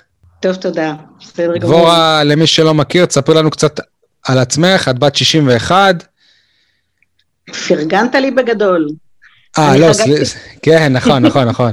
אה, לא, מה שבאתי להגיד, שבגיל 61 החלטת שאת פורשת, ומעכשיו, מגיל 61, מה שמעניין אותך, חוץ מכמובן אה, נכדים ומשפחה ודברים כאלה, זה לרוץ. כן, נכון? זה ספורט. כן, זה יפה. ספורט. כן. אז בת כמה את אה, היום? אני לקראת 68, 68. שנה כן. מעל טוני וואקמה. כן. וכמה את הולכת לרוץ?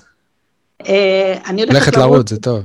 כן, אני נרשמתי למ- למקצה של עשרה קילומטר, כי הייתי לפני שבוע במרוץ אייל 15 קילומטר, וזכיתי בגביע של קטגוריית גיל, ואני הולכת לרוץ אה, חצי מרתון בטבריה, אז בין שני המרוצים של אייל וטבריה, אז אני נחה בעשרה קילומטר בבאר שבע.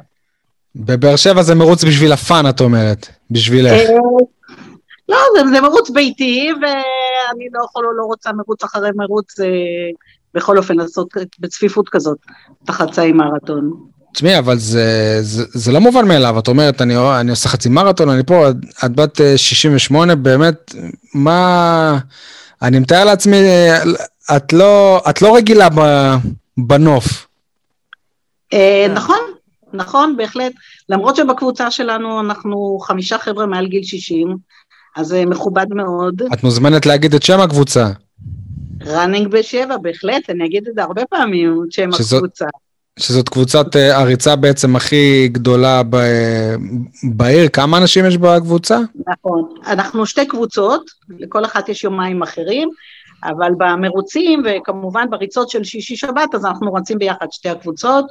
בסך הכל אנחנו בסביבות אה, 60 אנשים בשתי הקבוצות. אה, טווח גילאים, יש uh, מגיל צבא, חיילת אחת בקבוצה שלי, לפחות נולדת בקבוצה השנייה, uh, הגיל שלי שאני הכי מבוגרת. מעבר לזה, כאילו קודם כל חשוב לי לציין שאני ילידת באר שבע, וכל השנים גרתי בבאר שבע. אני אימא לארבעה ילדים וסבתא לעשרה נכדים, אז מספרים של סטטיסטיקה ככה שהם גם משמעותיים מבחינתי. איך התחיל. החיידק הזה של הריצה?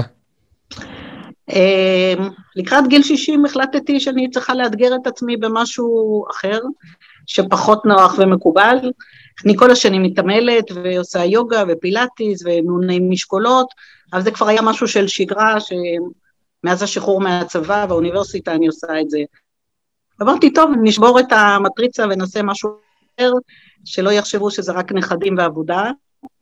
ואז התחלתי לרוץ אה, לבד בעיר, אחר כך בעלי הצטרף אליי, אחר כך שני הבנים שלנו הצטרפו ונרשמנו למרוצים, אה, אני לבד, מרוץ נשים של ארבעה קילומטר, משם התחלתי, עם הגברים של המשפחה רצנו חמישה קילומטר, ואז רציתי להרחיב את הטווח, ואחרי שפרשתי מהעבודה והתפניתי... ומה עבדת אגב? הייתי עובדת סוציאלית 39 שנים.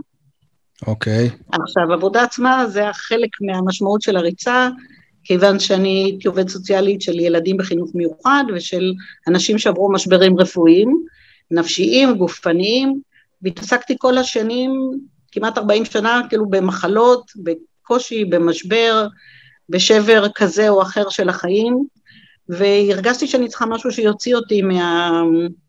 מהדכדוך ומהמחלות ומהבכי ומכל הדברים הקשים שאנשים מביאים לחיים. ו... ואנטיתזה כזו, הדבר הפוך מבחינתי זה היה כמובן הספורט והריצה, אה, משהו שאחרים לא יכלו לעשות.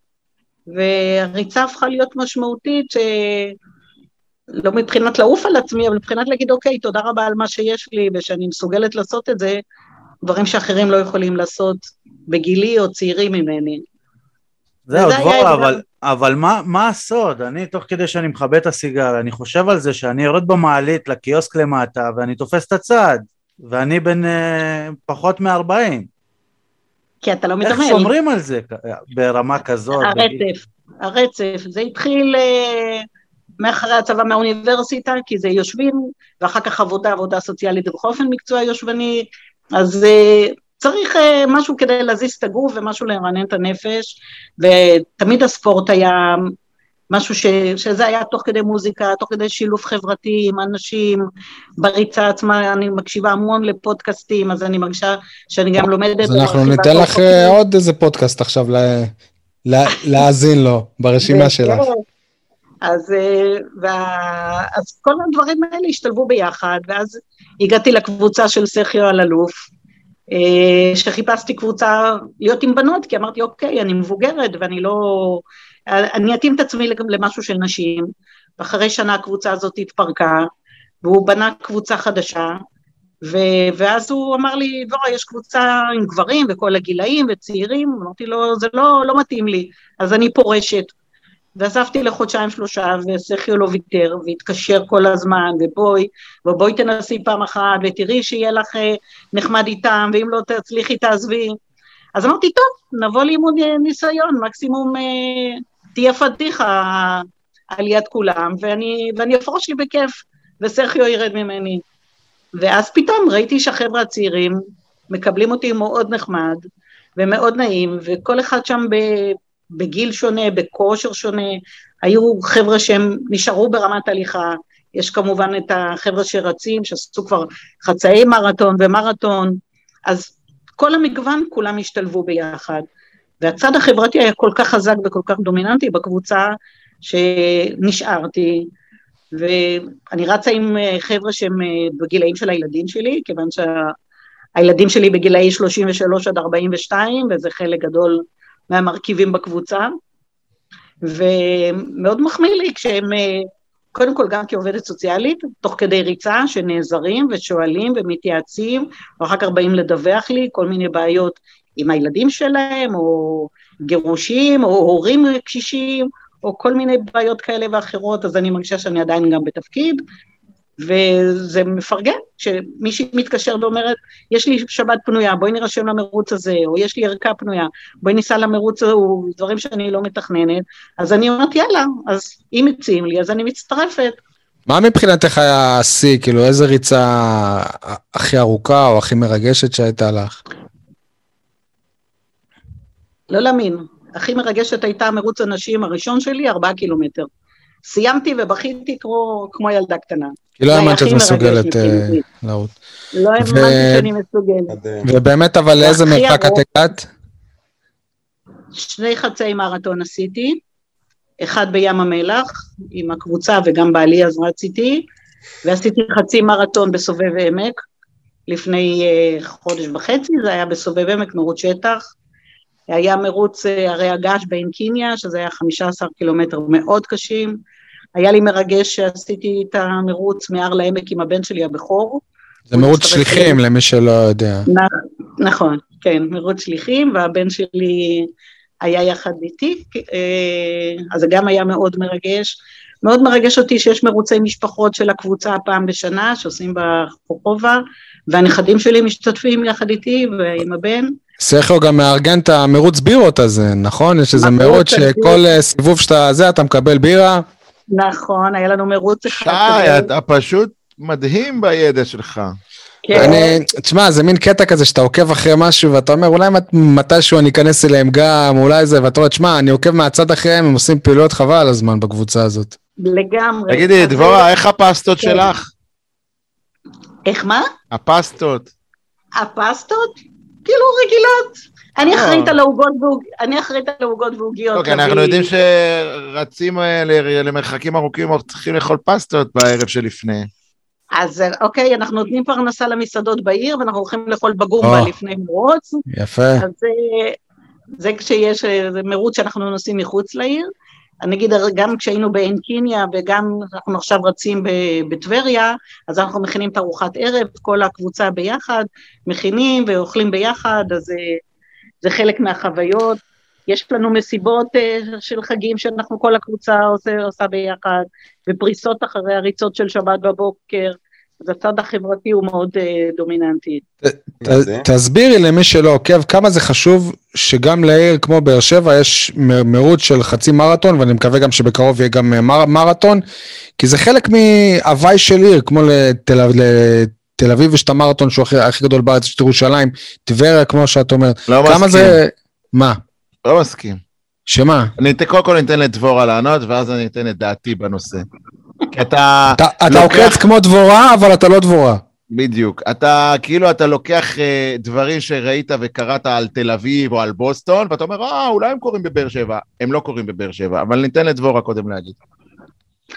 זהו, אז אני רוצה להגיד, אה, יש לי שני דברים כאילו שקודם כל חשובים שאני רוצה למקם.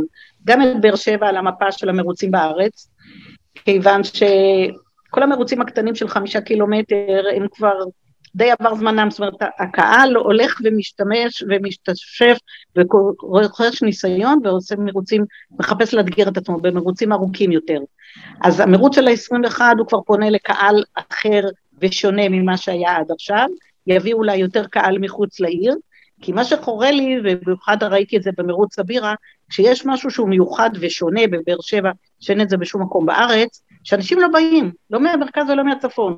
אם אנחנו מבאר שבע נוסעים למרוץ בחיפה, או אני נסעתי למרוץ במעיליה, שהיה מרוץ כריסמס מקסים, או נסעתי לסובב עמק, או הר לעמק, או עד רמת הגולן, זה לא קורה הפוך.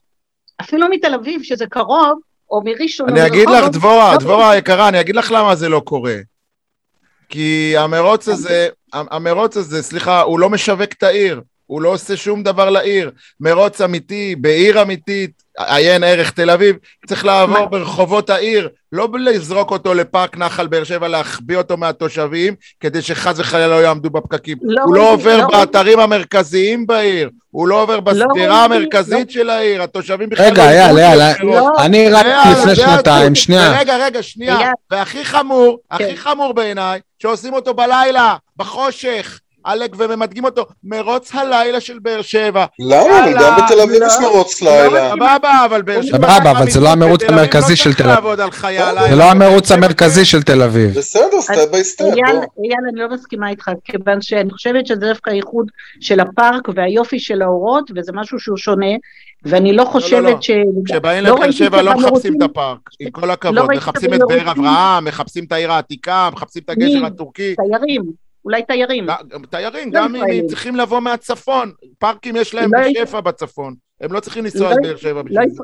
גם, הפ... גם המרוץ שהיה מהגרנד קניון, או שעבר דרך החייל האוסטרלי, או שהגיע, ל... לא משנה, כאילו מה שהיה מקודם מסלול בצומת הטנק, לא הגיעו מהמרכז ומהצפון. אז שבע לא אהלן, אז אהלן. וסהלן, לא בוא רק על תעבירו אותו לא על בשדרות. ראגר, תעבירו אותו בשדרות ראגר, תעבירו אותו ב- זה לא. ימשוך, זה לא ימשוך, כל לא, השנים. אבל- אבל זה... זה- לדרומים יכולים לנסוע צפונה, הצפונים לא יגיעו למר... לדרום.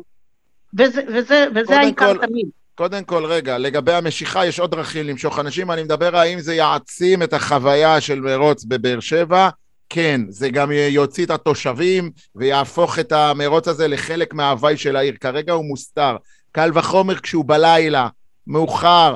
מי, מי עכשיו ילך לראות, לצפות, אפילו ללכת סתם ככה? לטייל עם הילדים? מרוץ- לא רואה את זה, מרוץ לא... ב- הלילה בחיפה מושך אנשים, והמרוץ ב- בקריית גת. בסדר, ו- אבל, אבל אני לא יודע על קריית גת, אני, אבל, אבל- על, על, על חיפה אני, אני, אני יודע, לחיפה יש? חיי בנמל? לילה עשירים ומפותחים, וחיי תרבות עשירים ומפותחים מאשר באר שבע. המרוץ הוא לא... אה, אבל אפשר כל שנה לעשות מסלול אחר. זה לא אומר שבגלל ברור, ששנה ברור, אחת אבל זה ממה, הם, מתחבאים? מלהעביר אותו בשדרות רגר כדי שהמשטרה לא תכעס כמו במצעד הגאווה? ממה הם מתחבאים? מה הם מסתירים? טוב, על זה אוקיי. אני מדבר, אני לא מדבר על האירוע לא הספורטיבי, אני מדבר על האירוע העירוני. זה אה, להחמיץ מול משער ריק, בעיניי, לעשות אוקיי. דבר כדי להגיד, יש לנו מרוץ, אבל בפועל המרוץ הזה לא מספיק אטרקטיבי בעיניי. או להנגיש, או להנגיש את המרוץ, שיהיה נוח מבחינת תחבורה, ולא יפגע בחיי התושבים. לא, לא, לא, זה מה שאת טועה. הוא צריך לפגוע בחיי התושבים. הוא צריך להגיד לתושבים, חבר'ה, יש פה אירוע בתל אביב, עדי גולד גר בתל אביב, בתל אביב כשיש אירוע, כל העיר חסומה, זה עיר. זה עיר, זה לא כפר. תל מי אביב גם ככה חסומה, גם בלי מי המרוץ. שרוצה שקט, נכון. שילך לגור בכפר. מי שרוצה עיר, צריך לקחת בחשבון שיש מגה אירועים ש... ואם. אתה מתחתן באותו ערב? אז אני אבוא מדרכים עוקפות, שי, נו באמת, מה, אם אני מתחתן באותו ערב? מי, ש... מי מתחתן ב... בעיר העתיקה? את... מי מתח... לא, לא, לא הבנתי, מי מתחתן בשדרות רגר? אז ייסע מהכביש העוקף. פתרונות תמיד יש, אתה יודע מה גם באישור? חריג אפשר? למצוא דרכי מעבר. שוב, אני לא מדבר על העניין הספורטיבי, שהוא לכשעצמו יכול להיות חשוב וטוב, אבל אני מדבר על, החו... על החוויה העירונית. שי, אנחנו מדברים על זה הרבה, כמה באר שבע מפספסת, למשל במשחקים בטרנר, שהקהל האורח בכלל ישן בתל אביב, זה על אותו רעיון. אף אחד פה לא מכיר באמת את העיר, אף אחד פה לא בא להתארח בבאר שבע, זה לא עושה כלום לבאר שבע. אין איזה מבצעים על המלונות, נגיד. סתם אני אומר, אין איזה מבצעים על המלונות בגלל שיש מרוץ או כל מיני כאלה. אבל אה, אוקיי, באמת... אז זה אבל- כבר עניין של חשיבה קהילת, של חשיבה... בואו, אנחנו לא כועסים עלייך, לא. כן? לא. 10, את 10, 21, כמה שאת רוצה מבחינת הקילומטרים. לא, לי דווקא חשוב משהו נוסף להעמיד דווקא בשיחה הזאת, בגלל שאתם מראיינים אותי, אתם מדברים על הצד של באר שבע, וזה מאוד חשוב לי בתור לוקל פטריוטיזם, כי נולדתי בעיר וזה חשוב לי. אבל אני, חשוב לי גם להעמיד במרכז את העניין של הגיל השלישי. זאת אומרת, נכון. בשום מקום אומרים, וזאת האמירה שלי האישית, גם כעובדת סוציאלית וגם בתור אחת בת 68, אז אני אומרת, מאחר ואנשים פורשים בגילאים יחסית צעירים, אבל עדיין בכושר גופני לדעתי, שבמקרה הטוב יכול להיות לפעמים עוד 20-30 שנות חיים, שיכול להיות גם ככה חיים טובים. זה לא אומר שמישהו פרש, אז הוא כבר נקרא זקן. אני מאוד מקפידה על המינוח הזה, אולי בגלל שאני עובדת סוציאלית, אולי בגלל שאני בגיל הזה. אני אומרת, אוקיי, אנחנו אני בגיל חושב, השלישי. ורה, שזה דבר חשוב. מאוד חשוב, באמת, כי אם פעם אנשים היו בגיל 70, כבר נחשבים גמורים, היום, נכון. בגיל 80, בגיל 80 אתה בדיוק. עדיין אדם צעיר, יש לפניך הרבה אבל- הרבה מאוד מקרים, אפילו זה- 20 שנים טובות מגיל 80. אבל זה לא קשור בכלל לגיל, לא קשור לגיל. זה קשור גם- לגיל, כי אין מה לעשות. הגיל זה איך שאתה מרגיש, אני מרגיש זקן לידך. דבורה. לא, אבל רוצה תוחלת החיים, עצם זה שתוחלת החיים נכון. באמת הולכת ועולה, משנה מאוד. את הצרכים שלנו כאנשים. לא סתם, אגב, גם גיל הפנסיה עולה עכשיו. בוודאי. כן, אוקיי, אתה אבל. לא רק. זה. אני רוצה להגיד לכם משהו שאני הייתי מעורבת בזה אה, לפני שבועיים אישי, ומשהו שמאוד חרה לי. במרוצים יש את הקטגוריות גיל הרי. אז אוקיי, כל הצעירים, סבבה, ועל הכיפאק, ו-40 או ווטאבר. עכשיו במרוץ מ, אה, שהיה ברמת הגולן, בעין קיניה, מרוץ שטח קשה ביותר, קשה ביותר. כאילו ברמות של מי שזוכר את הנחל סער, ולעלות למונפורד וכן הלאה, המון עליות וירידות. אז היו שתי קטגוריות גיל, עד 40 ו-40 פלוס. מה זה נקרא 40 פלוס? אם אנחנו היינו ארבעה חבר'ה מהקבוצה מעל גיל 60, רק בקבוצה נכון. שלי. אני לא מדברת על אנשים אחרים שהגיעו מכל הארץ, שזה ברור לי. שיש עוד אנשים מבוגרים. 40 פלוס זה קטגוריה אחת, אני עם מישהי שצעירה ממני, ב-28 ברור. שנים. דבורה, אני לא? חושב, דבורה, אני לא חושב ש- שאת צריכה...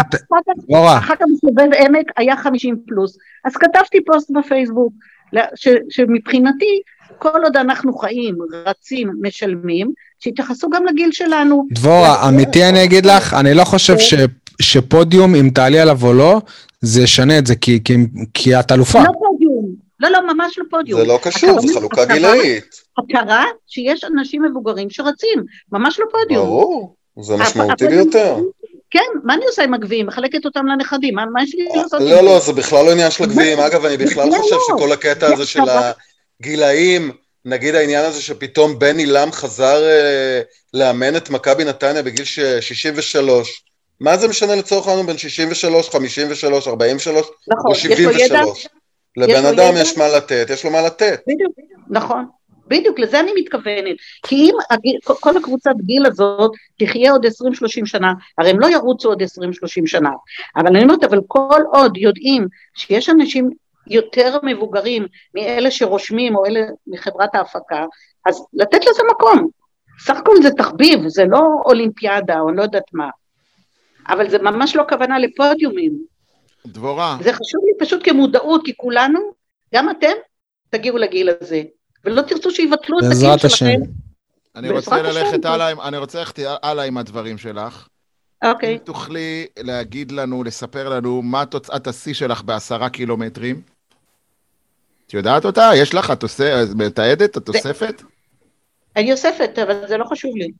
אז לא, לי- אבל זה חשוב לנו. לנו זה חשוב, כי אנחנו רוצים לראשונה בתולדות הפודקאסטים בעולם לעשות הימור, יש לנו פינת הימורים בכל שבוע, והפעם במקום האם אור דדיה ישחק כן או לא, האם דבורה תשבור את השיא שלה בעשרה קילומטרים כן או לא. מה את אומרת? תזרקי. לא, אבל מאיך לא שאני. מבין גם, אה, היא כאילו רצה, המרוץ הזה הוא הוא רק הכנה ל- למרוץ אחר אה, מבחינתה. אז היא לא תיתן את המאה אחוז. כן, היא... לא, לא, לא, אה, לא. אז בוא נעשה הימור אחר. האם התוצאה של דבורה ביום חלש תהיה טובה מהתוצאה של שי ביום שיאו? א' כל אני גם רחוק משיא, אני הולך לערוץ 10, אבל אני גם רחוק משיא, אבל אה, בואו נהמר, אני- אני מהמר שהיא תעקוף אותי. כן. אני בטוח שאתה... אגב, אני חייב לציין לא. שבשבוע שעבר, אישה אמריקאית בת 104 שברה את השיא העולמי. ב-100 ל- מטר ריצה. ב-100 מטר ריצה. 100 מטר, היא רצה 100 מטר בדקה וזה ומשהו. מדהים. אישה וזה בת מדהים. 104. מה? שיא עולמי, נכון. במה? לנשים בנות 100 פלוס? כנראה, או כן, 90 יש להם- פלוס, או 85 יש להם- פלוס, זה לא משנה. נכון. תקשיבו, בבאר שבע, בבאר שבע יש שיאן עולם בהליכה. אה, נכון. הוא הוא גם- ברור. נכון? תזכיר. לי את אה, שמו, הוא אה, פרופסור. כן, פרופסור פרופסור לדני. נכון. זה לא נכון. באר שבע, זה עומר. בעומר, עדיין. מבחינתנו זה באר שבע. באר שבע, נכון. באר שבע, באר. שבעי ותיק לצורך העניין. איש הנגב. נכון, והוא- נכון. עדיין הולך. הוא הולך, הוא נכון. ממשיך ללכת. הוא עושה כפי גילו, דוגמה, הוא מופת, חגג ללא ספק. 78 והוא עשה הליכה של 78 קילומטרים ביום הולדת שלו. כן. מדהים. אני- אני בטוח שאני. גם שיאן, רק בכיוון השלילי.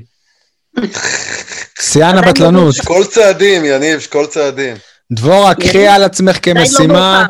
דבורה, קחי על עצמך כמשימה, עם כן. כל הכבוד לתחרויות ומרחקים וזה, להזמין את יניב לאימון ניסיון אצלכם, יכול להיות שתשני לו את החיים. אני מזמינה את כולכם לבוא לקבוצה של סרחיו, לראנינג בשבע, ואני חושבת שאתם, כולכם תהנו, בצורה כזו או אחרת. למי שרוצה ל... מהחברה. מי שרוצה לעקוב אחריהם ב- במרוץ, הם תמיד עם חולצות אה, כתומות כאלה זוהרות, אתם, אה, נכון. את, אתם תשימו לב אליהם. מקסימום היו- נבוא נעשה פדיחה ונפרוש בשקט. לא, אין פדיחות, זה, זה מה שטוב בקבוצה, אין פדיחות. כל אחד רץ כפי יכולתו מבחינת הקצב והמרחק, ואין פדיחות. וכולם מפרגנים אחד לשני בסוף. אני אוכל. כפי יכולתי. כו- גם זה, תאמין לי. הם גם אוכלים שם, הם גם אוכלים. חזקים, חזקים באוכל. חזקים. דבורה, היה לנו ממש נעים. לעונג. אה, אנחנו נשמח אם התוצאה שלך תהיה הרבה יותר טובה משלי ב- ב- במרוץ. לא, אה, נהנה, נהנה, זה נכון. זה נכון. תודה, תודה דבורה. תודה רבה לכם. על הפרגון. בהצלחה. תודה, ביי. תודה רבה. טוב, אז נחזור לחרטא שלנו. יניב, מה זה החרטא הזה? מה זה החרטא הזה שאנשים לא מצליחים להבין למה הכדורגל שלנו כל כך גרוע, למה אנחנו לא מצליחים לנצח, למה אנחנו כל כך בפיגור אחרי אירופה. וואלה, אנחנו נמצאים בדצמבר, אבל כל פעם בשבועיים יש פגרה. עכשיו פגרה של, של, של שלושה שבועות, זה לא הגיוני שעד שהשחקנים נכנסים למומנטום, עד שהאוהדים נכנסים לאיזשהו, אה, לאיזושהי שגרה של אה, כדורגל, עוד פעם פגרה ועוד פעם פגרה. בוא, סול, הפועל באר שבע זה היה מעולה. אם אנחנו. מתייחסים באינטרס שלנו, אה, למה, למה, שי, למה? כי היינו בת- ב- בתקופה חרא, כאילו באווירה חרא. נו, אז מה, אז הח- החבר'ה יצאו לאמסטרדם ולדובאי כן. וזה סבבה? לא, לא הם, גם הקהל, גם האווירה, גם הכל. היה צריך לעשות איזה stop לזה. מי היה אוקיי. בדובאי? חתם. עכשיו בדובאי. הלך לבקר. מה זה עכשיו? אחרי הנבחרת? כן, כן, כן, כן. לא כן. מאמין לך. שחקני הנבחרת כאילו קיבלו חופשה מאוחרת. אה. ספורי ביחד עם קאבה שם. כן, קרבא כיכב. אגב, אה, אתם יודעים דרך שעמרן אגב- אלקינאווי אה, התחתן אתמול? יניב, הפגרה הזאת היא בגלל שיזוע חורף, אתה לא מודע לזה? לא, קודם כל הנבחרות, ואחרי זה שזו. ואז- בסדר? ולפני זה הייתה פגרה של... זה אה, לו"ז של. וופא, בכל היבשת זה. ככה, נו. לא, אפילו בכל בכל העולם. בכל העולם משחקים גם באמצע השבוע, אז יש לך שלושה משחקים. גם אתה תשחק עוד. מעט באמצע השבוע. בסדר, פעם אחת, ועוד פעם פגרה. לא, לא, עכשיו לא יהיו פגרות אה, נבחרת אה, עד אה, מאי, יוני לדעתי. חכה, יהיה איזה סגר, משהו, ימציאו. אייל, אה, מה זה החרטא הזה? החרטא שלי, אתם זוכרים שבמשחק בית הקודם שנערך בטרנר, נכחו כמעט 9,000 צופים, והתקשורת אמרה, במיוחד אתר וואן, כתבו שלמה משחקים כן, בבאר שבע, אין? לזה הצדקה, הנבחרת לא מעניינת את הבאר שבעים. אז כמה היו אתמול בנתניה, או שלשום? זה 4,000, לא? היו- לא, היו, היו לא טועה, 6,800. 6,800. כן. אז, אה, אבל, אבל כשזה בנתניה לא מדברים על כך שהנבחרת לא מעניינת. דרך אגב, זה יותר בטרנר- קרוב להם, יותר קרוב בדיוק, להם. בטרנר אה, המשחק עוד היה אה, אה, משמעותי, כאילו, אם היינו... זה לא נכון אבל. זה לא נכון, כי אחרי ההפסד לסקוטלנד, זה לא... איבדנו סיכוי. לא, אבל אילו, אבל- מה זה איבדנו סיכול? אילו סקוטלנד במשחק שאחרי היו מפסידים, או לא למולדובה, זוכר. נו, היה כן. תיאורטית עוד היה על מה לשחק, כן. בסדר? ב- בנתניה לא היה באמת על לשחק, זה היה משחק רק על המקום השלישי. כאילו, זה לא היה להעפיל לאנשהו. החרטא שלי, ש... מה זה החרטא הזה שכאילו, לא יודע, מדברים עכשיו שאירופה מלאה בקורונה וזה, ואיך שהתחילה הפגרה, כל השחקנים כאילו התעופפו ישר לחו"ל, כאילו, עד כדי כך גם רע לכם בארץ, גם זה לא שאתם לא חווים חו"ל, וואלה, גם שחקני הפועל באר שבע היו הרבה בחו"ל בקיץ. כאילו, מה הנהירה, מה הבריחה הזאת, מה עכשיו, כאילו, וואלה, אם, אם אחד מהם ידבק בקורונה, ושוב אנחנו נחז- נחזור ללופ הזה בתוך הקבוצה, למה? ת, תרגיעו. קשה, תתרעננו קשה ב- להתרענן. באילת. קשה להתרענן בצימר בצפון, או אתה יודע. בדיוק, זה לא קשה. לא לרמתם. טוב, אה, אה, החלונות האדומים חשבו שזה הפועל באר שבע, כאילו, בקטע הזה, לא? אה, סול, אה, ציטוט השבוע. טוב, אז ציטוט השבוע שלי מגיע הפעם מאליניב ברדה, שהתראיין ברדיו דרום, וכשהוא נשאל למה רוני לוי לא מגיע למפגש אוהדים, הוא אמר פשוט כי רוני לוי מתעסק במפגש מול קריית שמונה. כאילו 24-7, אין לו זמן אל- לבוא לאיזה שעה. אלניב נהיה חרטטן, בערב. אה? נהיה חרטטן אלניב. הוא לא היה ככה כשהוא היה שחקן. אבל הכי מעניין הוא- זה הוא ש- משתלב ש- יפה בהנהלת המועדון. שלושה חודשים הם מתכננים את המפגש הזה, שזה אומר שלושה חודשים הוא מתעסק במפגש מול קריית שמונה. יניב, אני חייב שתגיד, אה, עדי, אני חייב שת- שתגיד את התגובה שרשמת לנו בוואטסאפ ל- ל- אני אמרתי למשפט שהם הזה. מקצוענים, אפילו הטור של דקלה לא מתוכנן בצורה כל כך אה, מקיפה. שלא לדבר על, אה, אתה יודע, על אדל וכאלה שמות. מדהים, ג'סטין שלושה ביבר. חודשים תוכנן המפגש בזאפה? סול, הימורים מה ולוז. היו יכולים לעשות לזה, אה? כן, סול, הימורים ולוז. אני אתן את ההימורים, אתם תיתנו את הלו"ז. אה, טוב, אז הימורים, שי עולה למקום הראשון, הופה. בזכות רמי אדר. מהפך, מהפך. אה, רמי אדר סידר לך את זה הפעם, לא יודע איך זה קרה. אני עדיין במקום השני, עם נקודה פחות, עם 15, עדי 11, אייל 10. טוב, אה, נהמר על אה, כדורסל ביום שבת, אה, במוצאי שבת, באר שבע, רבע על שמונה נגד אה, גליל עליון. אני הולך על אה, זה שרמי אדר גמר אותם השבוע, ואין להם ברירה אלא להחזיר לו עם ניצחון. זאת שאלה לא, מכשילה, אבל... גמר אה, אותם לא בקטע שהוא אשם בהפסד, אלא גמר אותם, כאילו, הרג את השחקנים אחרי מה שהם עשו בנס ציונה. זה הימור מכשיל הקטע עם אה, גליל עליון. אני לא יודע מי מהם, כאילו, טובה. לא אלה שניצחנו כבר, אה, ככה אני מבדיל ביניהם. אז טוב, אז נו, אני אלך על עוד פעם, ננצח אותם שוב. רגע, אז מה אמרתי? ניצחון אה, בינוני, אני אומר. ניצחון... ניצחון גדול. עדי, אייל? רכב. עדי, הפסד- אייל? הפסד קטן. ניצחון בינוני. יפה. אה, אייל, אז אתה עדכנת אותנו על החיזוקים בכדוריד, היו משחקים גם?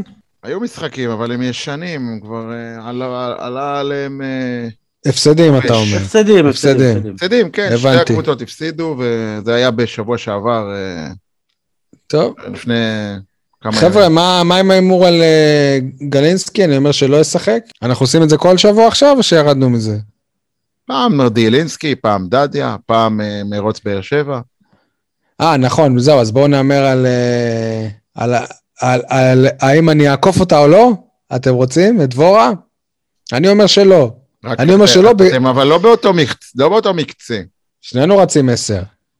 אבל לא מזניקים את הנשים ואת הגברים בנפרד. לא, לא, ביחד, אה? ביחד. אבל גם שי אבל מה כבר ב... התוצאה הכי טובה שלך, שי, בעשר? שלי, אה, אני חושב שעשיתי פעם איזה בוא 58 נהיה- דקות, בוא בוא שזה איתי, כן? שי, בוא נשדרג את אה. זה, נעשה את זה fair fight. רותם אה, מוגילבסקי, לעומת אה, דבורה... לא, אי אפשר, כי רותם רצה חמש, אה, ודבורה רצה עשר. אבל גם רותם במסלול של 40 פלוס. אני אומר, היא עוקפת אותי בחמש דקות לפחות. וואלה, עד כדי כך? כן. וואו, זה מדהים. אני אומר, רגע, אז צריך לרשום את זה. אתם חושבים ששי יבדוק את זה בסוף באמת? למה לא? כן. אני אומר, לא עוקפת אותך. שאני עוקף אותה. אתה אמרת שהיא עוקפת אותך. אני אומר, זה או עוקפת אותך או לא עוקפת אותך. טוב, בקיצור. סבבה. ברור שאם היא לא עוקפת אותך, אז אתה עוקף אותה, זה דבר והיפוכו. טוב. אני שמח שאתה מאמין בי, אייל. לא, אני פשוט הבנתי שהיא הולכת ל- ללכת במרוץ הזה, כי יש לה מרוץ אחר ואני, יותר חשוב. כן, אוקיי. עדי? סול? אנחנו באמת הייתי על זה, זה אמיתי? זה- כן, זה- כן. זה נו, קורה. בדחקה, זה לא בדחקה. מקביל מה שנתקל מולי עכשיו, הדבר הזה? כן, אני חשבתי כן. שנהמר אם שי מסיים או לא מסיים. טוב, אבל- אני שם את את אה, מעט הכסף שאין לי על הסוס המנצח שי, למרות שדבורה מאוד איזה אמון, איזה אמון. ואין ספק שהיא מצמצמת פערים מביטי דויטש, ועתידה עוד לפניה. אני? גם חושב שהמכה ה-12 תנצח. טוב, אז יופי, אז אני אמרתי שונה מכם, אז יהיה פה, יכול ל- להיווצר מהפך. אגב, אתם מפגרים, אני יכול למכור את ההימור, כאילו, אני יכול... ברור. אה, זה בסך הכל תלוי בי. השאלה אם זה ישודר ברדיו, כן. ואיזה שופטים כן. יביאו. מה טוב, מה עדי- מה עדי הימר? לא עדי... אה, גם עליי, גם עליי. כולכם. הימרתם עליי, אני הימרתי עליה. אה, אבל שי עשה בכוונה, אתה לא קולט, זה נקודה, כן? לא יותר מזה, חס וחלילה. כן. הזה. אבל האמת, האינטרס שלי, אה, נכון, האינטרס שלי זה למכור, הבנתי, בסדר, טוב, ניקח את זה. לתשומת ליבי. אה, סבבה, הדש עם השיר של אה, עדי לסיום שלנו מוכן? כן, אנחנו נשמע, נשמע את אה, שולי רנד ותמיר בניון מתוך אה, שיר חדש, מתוך אה, מופע חדש שעוד מעט אה, עולה. בואו נשמע את זה. אמיר בניון משלנו, יש להגיד. תמיר בניון לא צריך אפילו להגיד שהוא משלנו.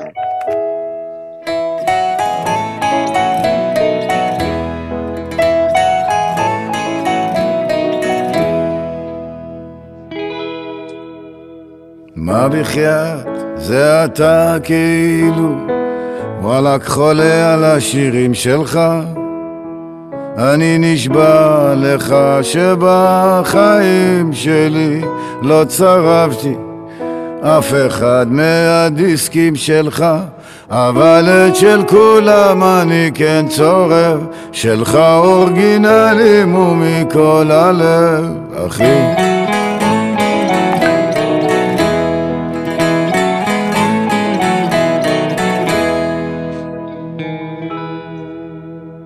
לא נכון, מה? זה אתה? כאילו? חשבתי שאתה יותר רזה תגיד אתה באמת דתי על מלא או כמוני דתי רק בלילות של ירח מלא תגיד זה אתרוג או לימון מתחזה עוד יש לך חובות או יצאת מזה באמת, מה זה אתה כאילו? מה אתה לא זוכר? יחד מתמיד היינו, נו, זה אני שלימד אותך לאור הנר זה אני שגילה לך שם את הכל על צליל על מילה על שמיים בחול